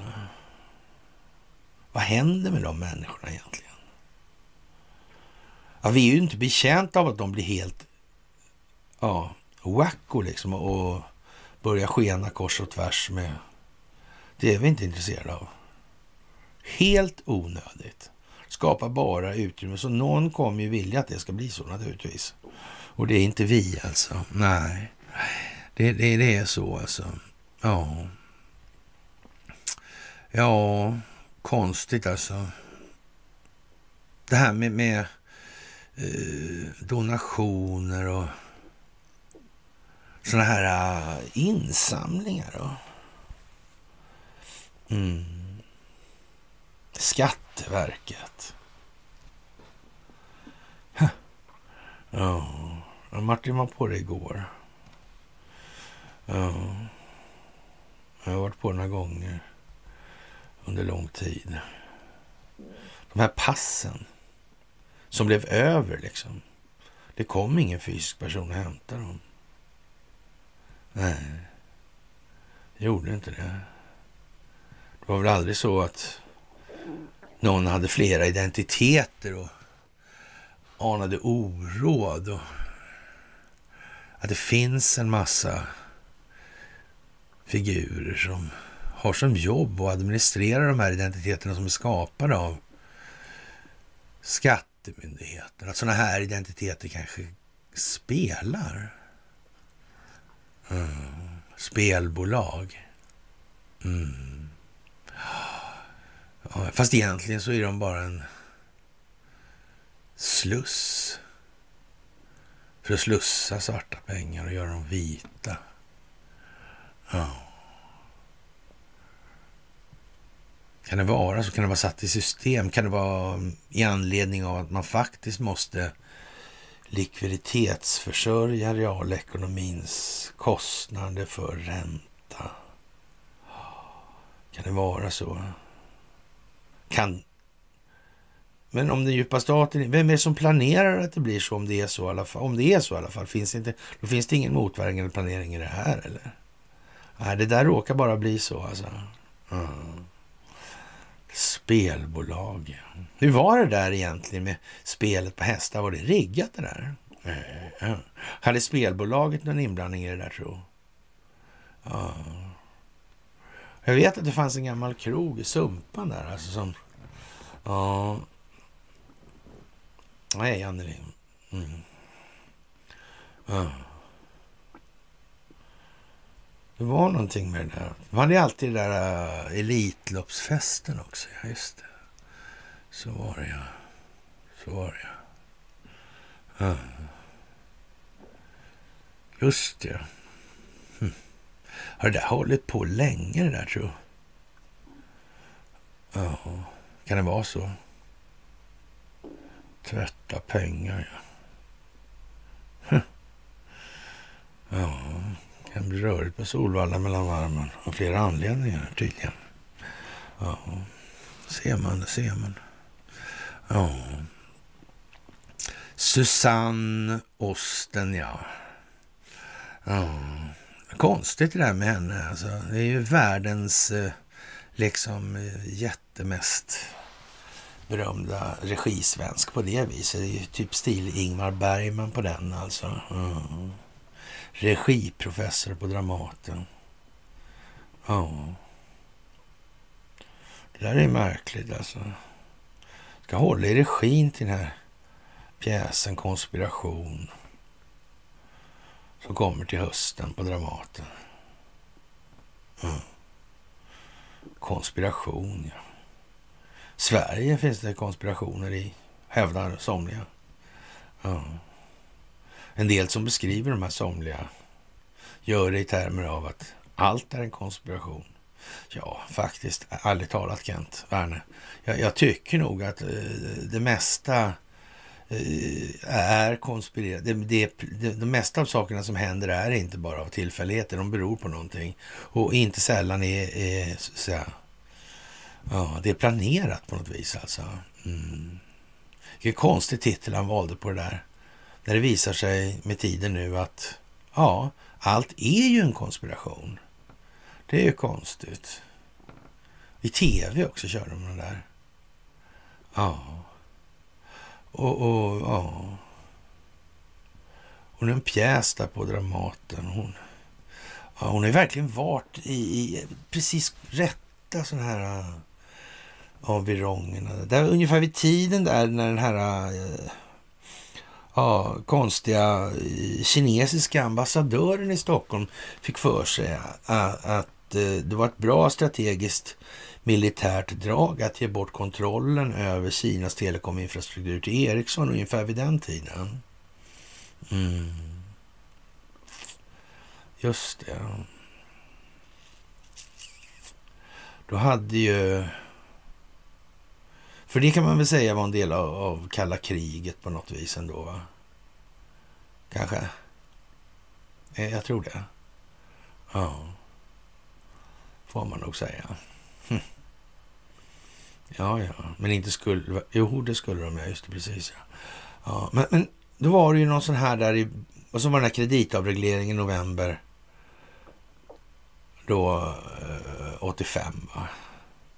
Och, och, sen så var det någonting där i 28 januari 86 då. Ja. Och då hade ju hon gjort en film då. Där. Mm. Bröderna Mozart Ja. Och, och, han gick ju kolla på den där filmen och sen gick det sådär alltså. Och, och nu ska hon då regissera den här pjäsen Konspiration. Ja, men nu vet man ju inte hur långt bak det här är planerat. Det vet man ju inte. Och, och det ska man väl säga, alltså, att i ljuset av att Dagens Nyheter går ut med det där då, för då kan man säga så här, då har man kommit till någon form av vattendelare i den meningen i alla fall. Då, då, ja, då får man nästan tänka efter lite. Ja, hur lång tid? Och, och kanske, märk väl att jag säger kanske, eh, man ska inte utesluta att eh, ja, det kan vara en del teater. Det är naturligtvis en massa teater, men i en del stycken kan det vara teater där man inte tror det var teater. Så kan det ju vara också naturligtvis. Mm. Visste någon redan då? Ja, vi var ju överens om i alla fall att det senast 31 då. Men, men faktiskt så länge handel har funnits så får vi nog räkna med att det fanns några som tyckte att det där lilla konglomeratet kanske inte var så där jävla lyckat. Alltså, jag tror inte de bommar där med första världskriget och kanonen efter, eller vid Versailles, men ja, bläcket hade inte torkat på traktatet i alla fall innan vi hade licenstillverkningen igång. Alltså. Mm. Bofors. Mm. Ja, Alfred Krupp till och med som sa det. Mm. Det står till och med i den här Boforsboken. Så, så det, är inte heller, det finns inte mycket de erkänner det själva. Så det är inget konstigt, inga hemligheter på det viset. Nej. Ja, det är lite speciellt får jag säga alltså. Och, och, hennes pappa var då tysk socialdemokrat och motståndare som på flykt undan nazistregimen hade kommit till Sverige. Ja. Det här är lite speciellt alltså. Hon verkar ju på rätt många sätt rätt välgrundad, men det är klart att man får nog också räkna med att tidigt hade hon inte samma insikter som hon hade senare. Det är väl rimligt antagande sådär alltså. Så det går ju liksom inte att uttrycka sig varken om det. En, några detaljer är ju lite sådär, ja, annorlunda kanske faktiskt. Och, och kanske inte de man främst tänker sig då alltså. Nej, faktiskt alltså. Och, och, och så utmärkelserna är det ju inget fel på alltså. Det kan man ju inte säga. Nej. Och, och hon eh, har ju ett intellekt som är eh, väl slipat alltså. Det måste man ju erkänna. Det är väl liksom ingenting att diskutera om. Men frågan är väl hur mycket så att säga verklighet man varit på besök. Och hur mycket har kunnat ja, så att säga, bearbetas av det där intellektet egentligen. Det hjälper ju liksom inte mycket intellekt, du har, intellekt man har om man inte får några inputs. Det är ju så det också. Mm. kan man ju sitta där och vara hur smart man vill liksom. Ja. Det här är lite speciellt alltså. 95 till 2009 var hon professor i regi vid Dramatiska institutet och 2000 utsåg hon till hedersdoktor vid Lunds universitet. Och ja, filmambassadör för Svenska Filminstitutet. Ja, I den rollen ska hon verka för att sprida intresse och kunskap om barnfilm att inspirera till utveckling av mer verklighetsnära realistisk barn och ungdomsfilm som motvikt till vad hon ser som mer orealistisk underhållsfilm alltså. Mm, eller underhållningsfilm. Ja. Det där är ju konstigt alltså. Eh, arbeta för utveckling av forskning inom barn och ungdomsfilm och om hur den nya publiken egentligen upp upplever det här. Ja, ja det är sådär. Sen kommer sista grejen. Då, så här. Hon har en dotter, Hanna Hartleb, född 65, alltså samma år som jag. Tillsammans med dokumentärfilmaren Rainer Hartleb. Det var han med Jordbrobarnen alltså. Det här projektet Jordbrobarnen var en liten konstig variant. Mm alldeles i närheten av Jordbro, eller ja, en skog emellan i alla fall. Då. Ja, eller en grustäkt kan man säga också. Mm. Ja, där bodde en professor i pedagogik. Mm. Han hette Trankell. Mm. Han var på Socialhögskolan i Stockholm. Ja, Stockholms universitet. Han ägnade sig åt en del saker inom skolan. Mm små skolprojekt sådär. Ägna sig åt. Mm. Konstigt. Skolreformer. Mm. Klingar konstigt. Mm. Kommunreformer. Mm. Många små kommuner blev stora kommuner. Ja. Social ingenjörskonst. Mm. Ja, ja, ja. Ja, det går runt faktiskt. Det går runt. Det gör det verkligen. Rainer Hartlebs Jordbrobarnen ingick i det där skolprojektet. Det handlade om skolbarn. Man filmade skolbarn. Mm. Jag känner till och med någon där. Ja. Jag gick också i det där skolprojektet, fast på ett helt annat håll. Där man byggde andra miljöer hela tiden. Liksom lite tvärtom-miljöer. Ja, det var första miljonprojektet Jordbro. Ja. Inte långt därifrån. Bodde hela marinen ta med fan. Ja.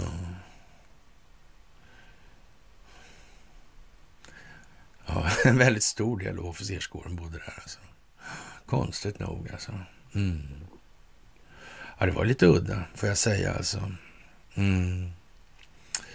Ja, sitter Sverige lite dåligt till nu kanske det här med Finland? Mm. Vad är det som ska ske egentligen? Ja. Och i ljuset av det här med åtalet mot Donald Trump alltså. Konstigt alltså. Ja, företagsbedrägerier. Har han betalat de där pengarna privat till Michael Cohen? Har han betalat dem till en advokatbyrå? Det verkar ju konstigt om det var, inte, om det var något annat. Ja. Har han arbetat med kampanjen kanske? Det så har han ju gjort alltså. Ja. Men han säger att det var för det.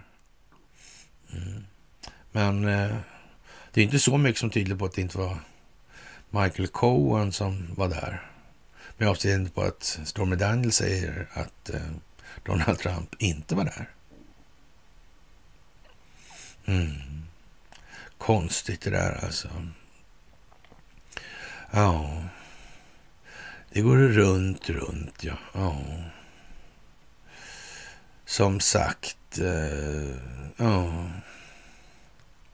Den iranska utrikesministerns besök i Moskva vittnade återigen om den allt starkare antiamerikanska alliansen mellan de två länderna. Syftet med det nya eh, samväldet är uppenbart omformatering av det nuvarande systemet för internationella förbindelser som fortfarande är underordnat Washington. Det är ingen slump att de tre huvudsakliga fienderna till Pax Americana idag ser ut så i Amerika, Ryssland och Kina och Iran. Ja, nästan eh, ja, säkert så kommer den här listan snart att omfatta även Sydafrika, Brasilien och andra länder som försöker stärka relationerna. Ja, motståndet mot USA har bildats och expanderar. Frågan är bara hur starkt det här nya förbundet är. Ja. För det är det slumpvis tillkommet eller har det här gjort på strategisk basis? Alltså man planerar för nästkommande sekvens eller skede då ur ett utvecklingsperspektiv. Ja, eller gör man inte det? Man, man gör bara någonting och så ser man vad som händer. Mm. Men det kanske är så. Då får man titta på de där, vad de heter. Ja. Som sagt, eh, det är ett paradigmskifte i relationerna till länderna i Mellanöstern. Och om de här tre uppgifterna lös framgångsrikt kommer USAs geopolitiska monopol oundvikligen att kollapsa. Och, och, det behöver man inte planera någonting för att göra, utan det, det blir så bara. Ja, ja, det kanske är så. Men varför det blir så, det har jag tror jag förklarat på tillräckligt många föreläsningar och i tillräckligt många videoklipp på Youtube och Facebook och allt vad det är. Mm. Faktiskt. Jaha, Ukrainas allierade anklagas för att ge Kiev för lite pengar nu här. Och vad ska man säga? Det där är ju liksom... Eh, och, och man meddelade att IMF skulle... Eh, meddelade IMF att Ukraina skulle få det sjunde största stödet i fondens historia. Ja. Eh, och ja, det där är ju jättekonstigt. Och, eh, man säger, massa människor bara skriker ut att liksom Ja, man fick låna 5,6 miljarder dollar. Att låna från internationella valutafonden är dyrare än från andra sponsorer. Och, och, det värsta resultatet skulle vara att belasta Kiev med skulder medan det fortfarande är i konflikttillstånd. Alltså. Ja, de verkar inte gå på det där. Mm. Och, och, i linje med det så, jag vet inte. Skulle det kunna vara översättningsbart till andra perspektiv. Och konstatera att det kanske egentligen bara är frågan om att sätta dem i saxen. Mm. Ja, det vet jag inte om man skulle kunna tänka på förslag. Det, är ju, det vore ju i så fall planerande. Det får man ju säga. Och om den sidan planeras så ska man motverka den. Tror, kanske man borde kunna, kunna, jag vet inte, men man skulle kanske kunna tänka sig att, att man kan räkna ut att man får nog begagna sig av en viss planering själv i så fall. Det kanske är lite som schack eller sådär. Kan det vara det? Man, eller nej? Man har en mediaplan, man har liksom massa olika delar i det här. Ja, jag vet inte. Om systemet bygger på förtroende för den beskrivande modellen, vilken roll spelar då upplysning i det här sammanhanget? Alltså, ja. alltså om man har en ekonomisk modell som man påstår beskriver det här systemets funktion. Ja. Och sen tror inte folk på det där längre. De tror inte på att inflation är prishöjning till exempel. De tror inte på det. De tror inte att bankerna är säkra för de har en bra grund på ett kapital av någon form. Ja. När de kommer på att det här kapitalet består ju också av skulder och de här skulderna, de sitter integrerade i ett litet system med skulder. Mm. Ja, undrar varför vi har evig privat skuldsättning i det här landet. Det är för vi är så smarta. Mm. Det gäller att göra rätt för sig. Ja, naturligtvis. Att Jag inte tänkte på det. Ja, det där är ju lite konstigt alltså. Och, och många tycker väl att det där är, är liksom äh, jättekonstigt. Sådär alltså. Faktiskt. Hur, hur får man folk då liksom att släppa det här med att så att säga, rädslan att förlora lite grann gör att man eh, så att säga förlorar allt. Alltså rädslan för att förlora är så stor att man inte vågar vinna. Man tänker allt på att inte förlora ett öre och därför förlorar man alltihopa och man gör ingenting för att vinna någonting. Precis alltså. Det gäller lite det där med att man kan bara vinna så mycket man, som man är beredd att offra alltså. Mm. Så är det ju. Faktiskt. Och återigen, hur farligt är det med den djupa staten då? Ja.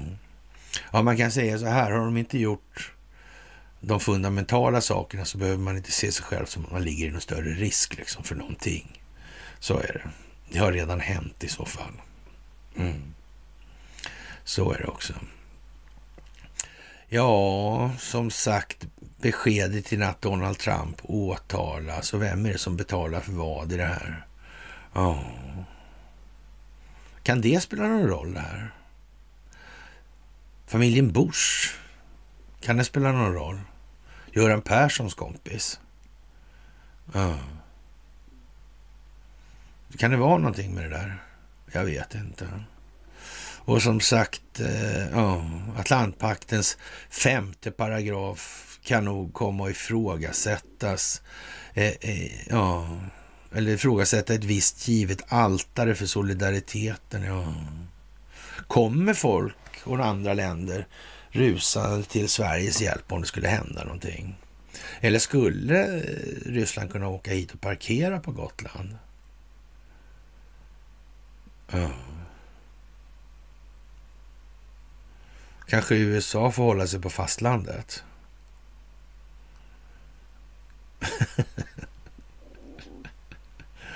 ja. Men vi är ju pigga på att skapa konfliktzoner ju. Det har ju vi alltid varit. Sen Karl XIIs dagar. Mm. Mm. Ja, just det. Ja, det där är ju lite spännande alltså. Vi fan kan inte släppa det där med korv nu alltså. Vad skulle han få så mycket utrymme för? liksom, med, med, ja vad ska man säga? Det där verkar liksom... Det är lite Bidensk nästan. Va? Underlivsporslinskt skulle man kunna säga. Mm. Men eh, Korn är inte på långa vägar lika skicklig skådespelare som underlivsporslinet är. Inte ens nära. Nej, det är han inte. Men eh, Visst, det ska jag ge honom alltså. Ja, ja han, han, han, det ska han få alltså så. Alltså. Visst kan det vara. Mm. Ja, men han känns rätt svensk alltså i debatt. Jag har debatterat med honom en hel del. Alltså, så där, så inte bara en hel del, utan eh, rätt mycket fler del än så. Eller delar än så. Ja, ja det där är ju lite eh, sådär va. Mm. Det är mycket med det. Ja, och eh, när då källa i, till Aftonbladet säger då motsvarande att eh, Eh, 0,0001 procents chans att Turkiet röstar om finska NATO-ansökan igår då. Ja, det blir väl på en procent där och så blir det väl en miljondel då. Eller så. En mikroskopisk chans kan man ju lite välvilligt tolka det som då. Mm. Och man, man får ja, vara var lite glidande på prefixen helt enkelt. Mm. Och det är ju konstigt alltså. Och sen säger de ja till det där på en gång, alltså direkt efter. Det är ju lite lattjo. Ja.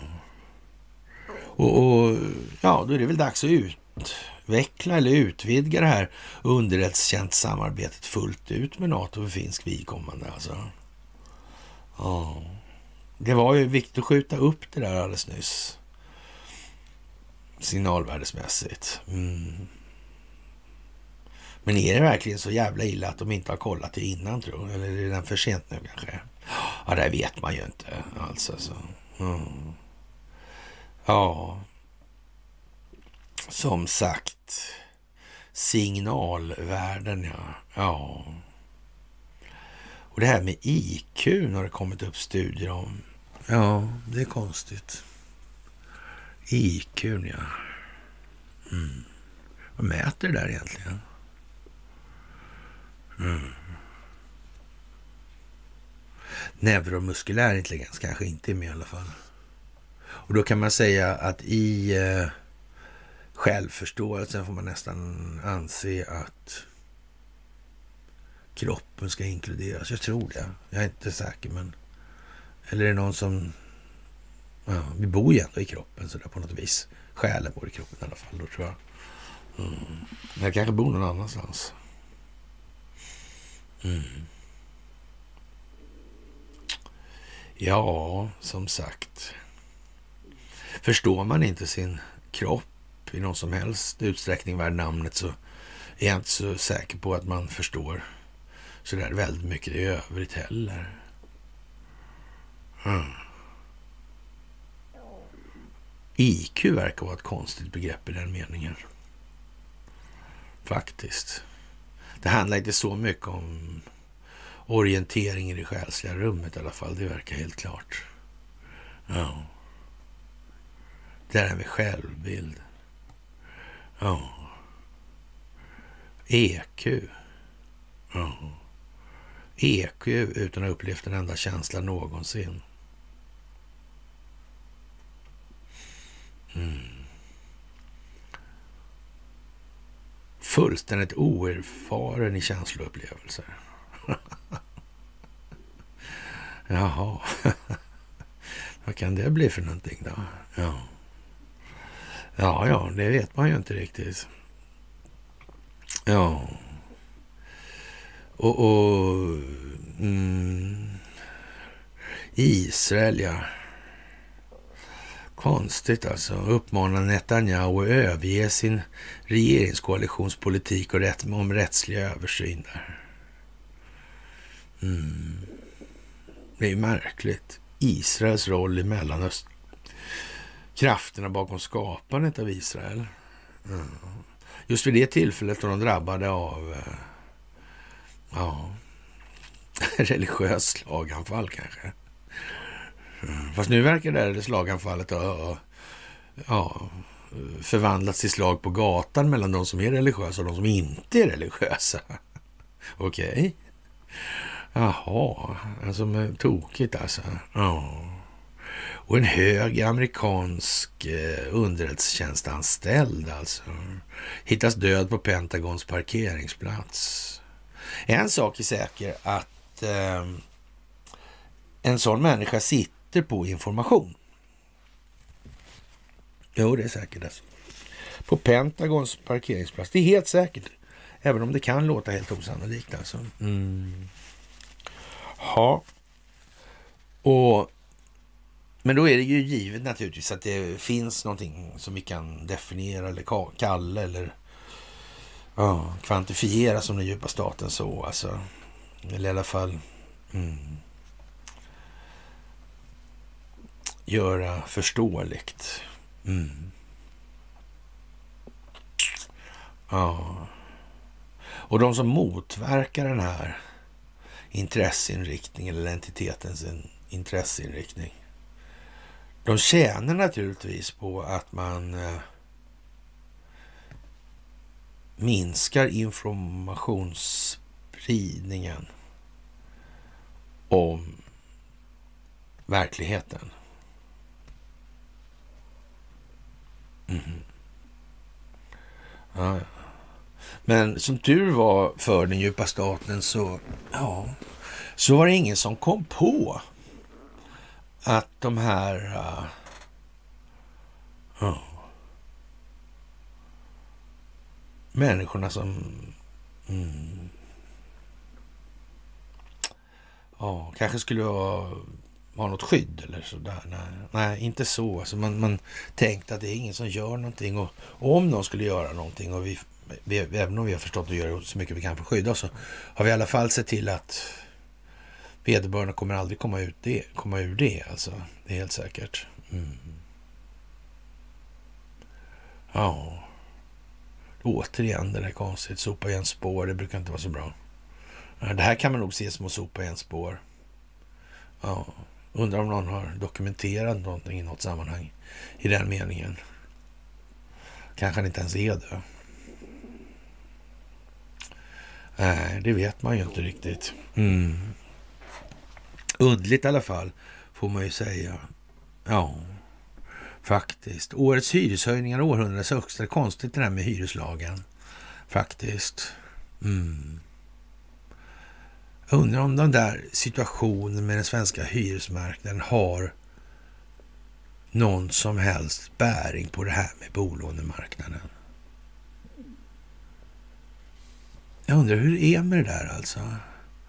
För jag tror att bolånemarknaden på något vis består av en del fluffiga begrepp som till exempel det här med bostadsrätt. Alltså, det finns ju ingen annanstans än i Sverige. Nej, nej, nej just det.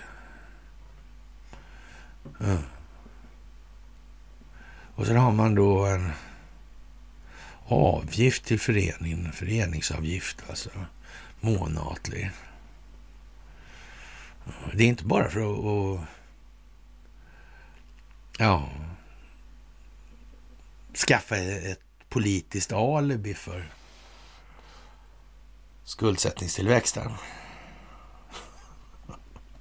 Mm. Tänk att den finansiella tillgångsprisinflationen hamnade just där. Av alla ställen. Ja. Det är ju helt obegripligt alltså. Ja, det måste i alla fall vara en ren slump. Ja, det är omöjligt att det skulle kunna vara så. Ja, Ungern är inte redo att släppa in det fientliga Sverige. Nej, faktiskt. Det var ju tråkig historia måste man säga. Ja, och det går ju sådär med ansvarsfriheten för Investor. Ja. Och, och Per Holknekt där, blodspengar till ytterligare en eh, yacht i Marbella. Ja, jag var lite tveksam till det där faktiskt. Eh, först. med Holknekt han dök upp i det där. Han åker visserligen skateboard och sådär. Så. Och har han ju satt på Lina Philipsson och det tyckte jag var... Eh, I, i, jag tyckte det var hedervärt av honom. Alltså nu mera. Men ja, i alla fall då. Jag tänkte, äh, fan det där vet jag inte liksom. Det är lite grin under galgen känns det som. Alltså, sådär alltså. Men eh, sen dök Pontus Lindvall upp i hanteringen. i de här sammanhangen hela tiden. Och Betsson. Ja. Mm, Cherry Casino. Ja. Just det. Men det här räckte ju inte som sagt.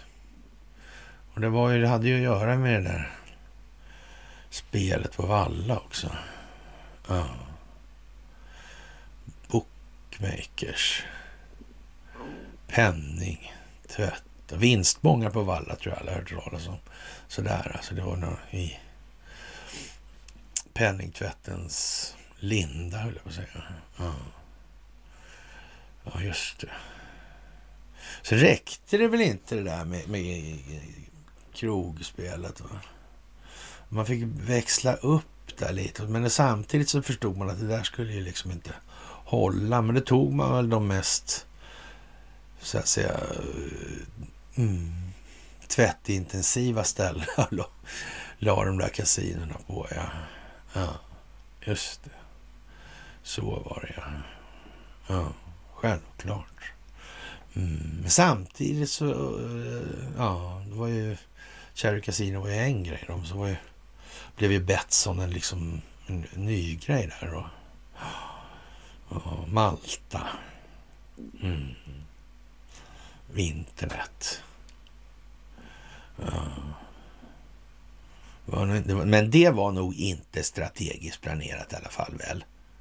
Det tror inte jag. Ja. Och om det är så här då, då att de här spelbolagen tvättar pengar.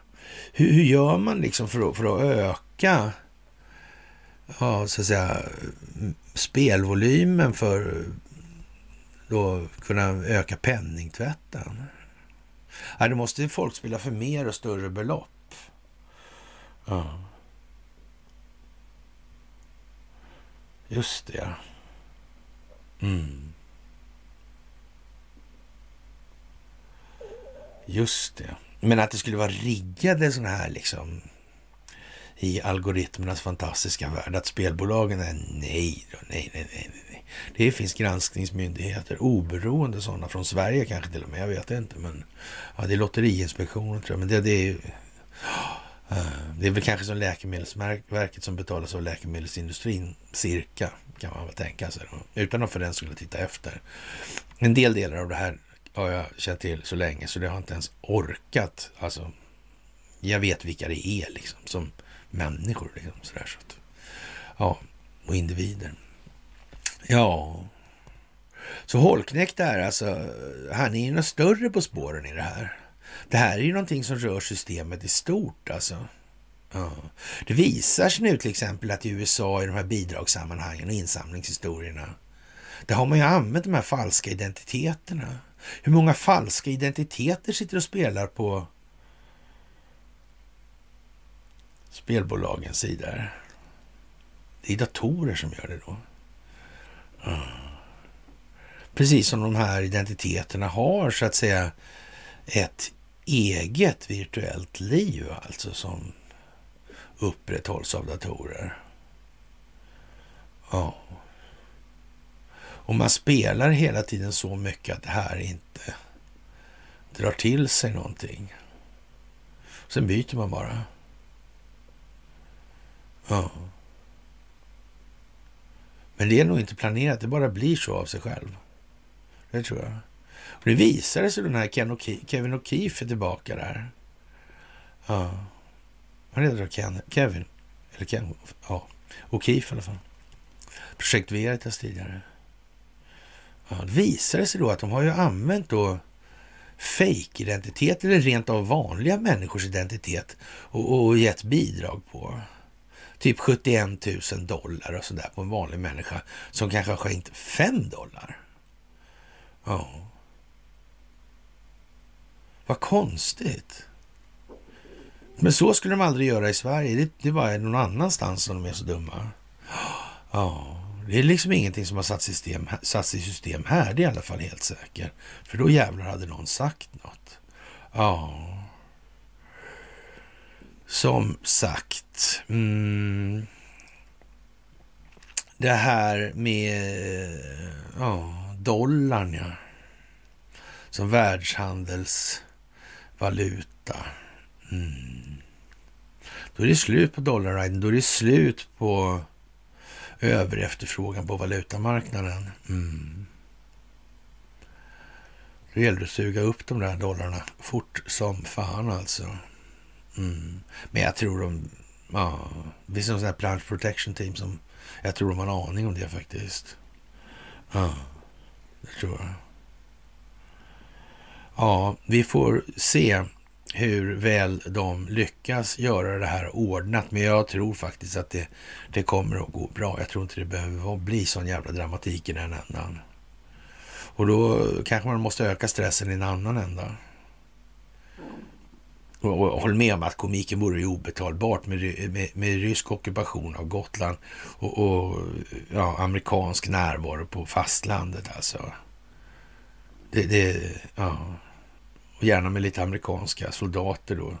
Sittande fångna på Gotland. Så inte bomba sönder skiten. ja. Vore det lite dråplig teater, då skulle svenska folket hålla käften.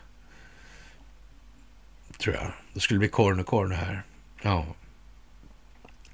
Pensionsmyndigheten vill se över pensionssystemet krångligt och dyrt alltså. Ja, jag vet inte.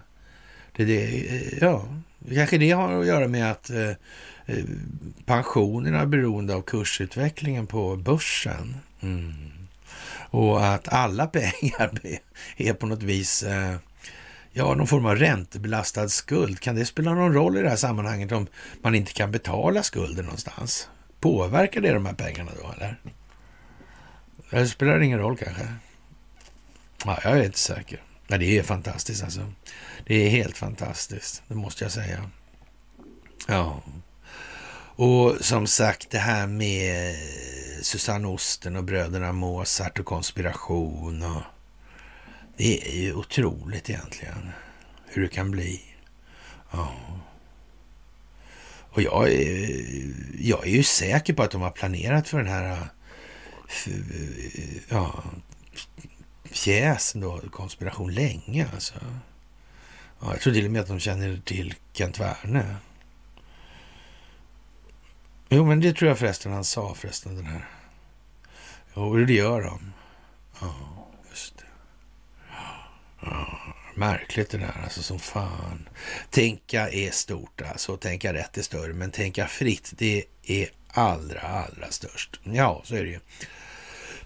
Och så har vi denna vässla alltså saker som kommer tillbaka hela tiden. Och det här med Lusitania och Mauritania, det var ju båtar som mest är hänförda kanske till första världskriget. Och särskilt då Lusitania som uttrycks ja, vara anledning till att USA gick med i världskriget som egentligen handlade om järnväg och strategiska naturresursflöden i vanlig ordning. Men ja, historia gör ju gällande att det var helt andra saker alltså. Ja. Men det är ni vana vid. Ni, ni är som sagt världsledande i det här. Wallenstam AB, ja, jag hade en krog en gång på Grev Turegatan Eh, hade Wallenstam. Men, men jag ska inte säga att det var, de var nog, eh, ja. Men, men jag samtidigt är jag med då för Göran Persson var inblandad i det där ett tag och, och förstod väl ungefär att det, ja, det var vad det var liksom helt enkelt redan då. Det här var ju länge sedan, alltså i början på 2000-talet. Sådär. Lediga lokaler i Göteborg i alla fall. Och deras reklam är så här. Att verka utan att synas har aldrig varit vår grej. Första meningen. Ja. Välkommen till en hyresvärd som ger dig engagemang i kvadrat. Jag vet inte vad det är för konstiga tider det här. Och så har vi den här äh, ja, shamanen i Washington, sjätte där. Han är ute nu sägs det. Ja, och han har Yggdrasil tatuerat på kroppen. Mm. Jag vet inte. Gamla vikingar kanske. Sådär alltså. Ja, och svenskarna är nere och reser och krigar. Jag vet inte, är det bra det där? Jag har svårt att säga det alltså. Ja, på något vis. Ja. Och det här med att sätta sanktioner på spannmål, vem tjänar på det egentligen? Mm. Olof Palme, konspirationer. Mm. Informationsrörlighetsklimat, upplysning, det moderna krigets beståndsdelar. Ja, är det viktigt det här eller är det någonting vi... Kan vi strunta i det? Ja, det är möjligt alltså. Jag vet inte. Riksbankens roll, betalningsinfrastrukturen, kontosystemen. Ja. Kan man ändra det här på samma sätt som i USA? En penningmonarki, är det samma sak som en kreditrepublik? Nej, det är ju inte riktigt det, nej. Nej, just det. Det är lite olika versrader på samma melodi. Får man tänka till där. Mm. Så är det ju. Mm. Kan det ha någonting att göra med successionsordning och grundlagar och sådär? Ja, man vet ju inte riktigt. Vi får se helt enkelt. Det kommer att visa sig om det är så eller inte. Ja, kokainet flödar som aldrig förr i Europa. Sverige i knarktopp. Men nu verkar Tullverkets ledarskapsutveckling ha börjat ge resultat alltså. Det är ju skönt alltså. Vi får se hur det blir. Åklageriet verkar ju också gå eh, riktigt bra alltså i den meningen. Ja. Vi får väl se hur det blir med Polismyndigheterna. Som jag hyser en viss förhoppning där att han, Stefan Holgersson, har eh, ett öga på det här helt enkelt. För det vet jag ju att han har. Så. Eh, det vet jag att han har. Mm, tanke liksom på det. Mm. Och jag tror att det dröjer inte innan han kommer uttrycka sig i saken faktiskt. Ja. Och nu säger Xi Jinping att Kinas befolkning är eh, snart redo för krig alltså. Det vill säga det är de redan. Ja. Och kinesiska armén kommer att samarbeta med Rysslands väpnade styrkor för att stärka fred och säkerhet. Ja, Ja, det är väl som det är antar jag. Det är väl inte så mycket att säga egentligen kanske. Eh, jag tror inte det. Faktiskt. Mm. Ja. Ja, det är ju märkligt alltså. Kina förbereder sig för krig. Ja. Kanske redan är i krig. Kanske redan har varit krig hur eh, länge som helst. 200 år eller kanske ännu längre. Ja. Jag vet ju inte alltså. Som sagt, Ericsson. Mm. Mycket bra för landet. Ah, eh, med början av facit i hand så ser det väl ut att... Eh, ja, går det på ett ut så får vi nog vara djävulskt nöjda helt enkelt. Så kan vi nog säga det i alla fall. Ah. De andra ländernas upplevda oförrätter, det... Ja, jag, jag passar lite på det alltså. Ja, helt enkelt. Jag tror att det kan, det kan vara bra att göra det. Ja, visselblåsare. Credit Suisse har hjälpt rika med skattefusk i åratal alltså. Ja, rika amerikanska familjer gömma stora summor pengar i Credit Suisse genom skattefusk i åratal. Ja. Det har man liksom satt som en del, själva affärsidén där. Det är lite grann som en del bolag i Sverige också, till exempel spelbolagen och sådär. Mm. Ja. Konstigt. Faktiskt. Ja.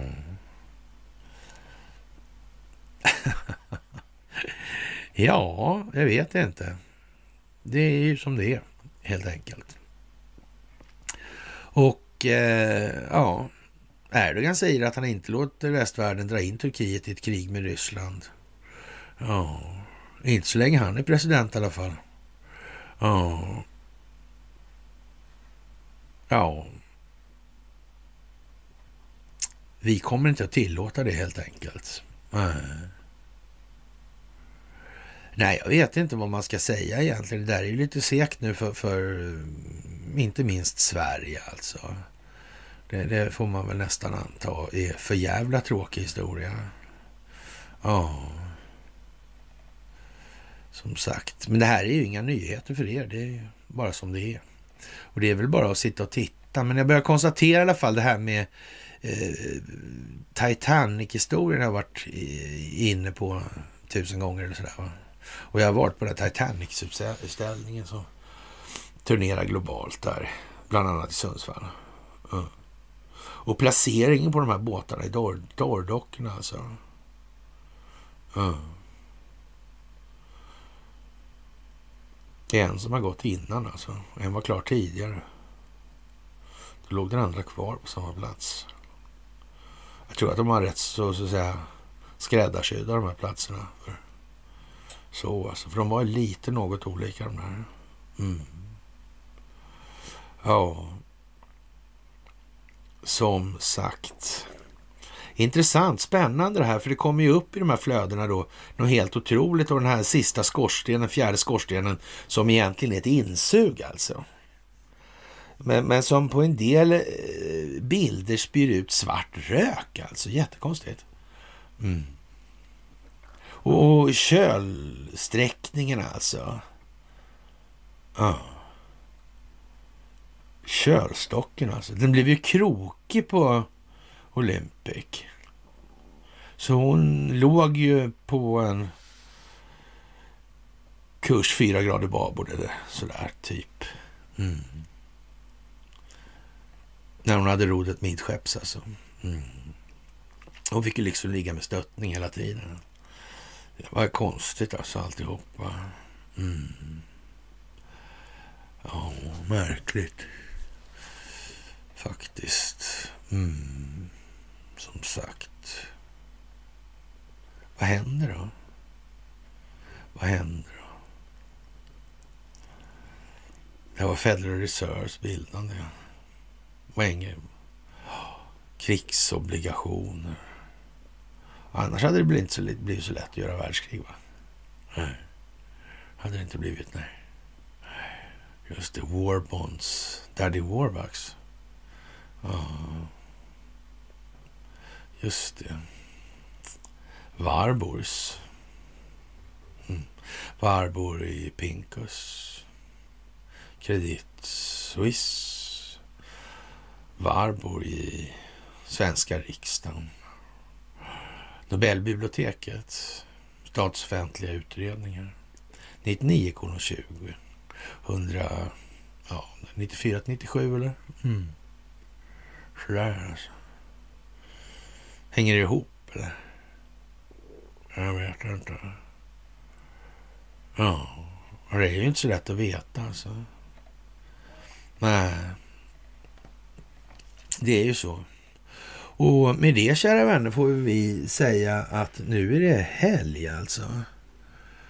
Är det inte för jävligt? Eller hur? Ja, senast måndag hörs vi och ja, vad man ska säga. Spännande är nog bara förnamnet. Verkligen. Ni är världens bästa och mest kompetenta in, eller säga, internetpublik i det här. Ni är helt otroliga i det här. Och tänk nu på Håll kylan, artigheten, korten nära kroppen. Det är ingen som vinner något på att agera och uttrycka sig i affekt alltså, eller uttrycka sig i affekt. Det är helt jävla säkert. Om det så önskar jag er en världens bästa, trevligaste helg så hörs vi då senast på måndag. Trevlig helg på er.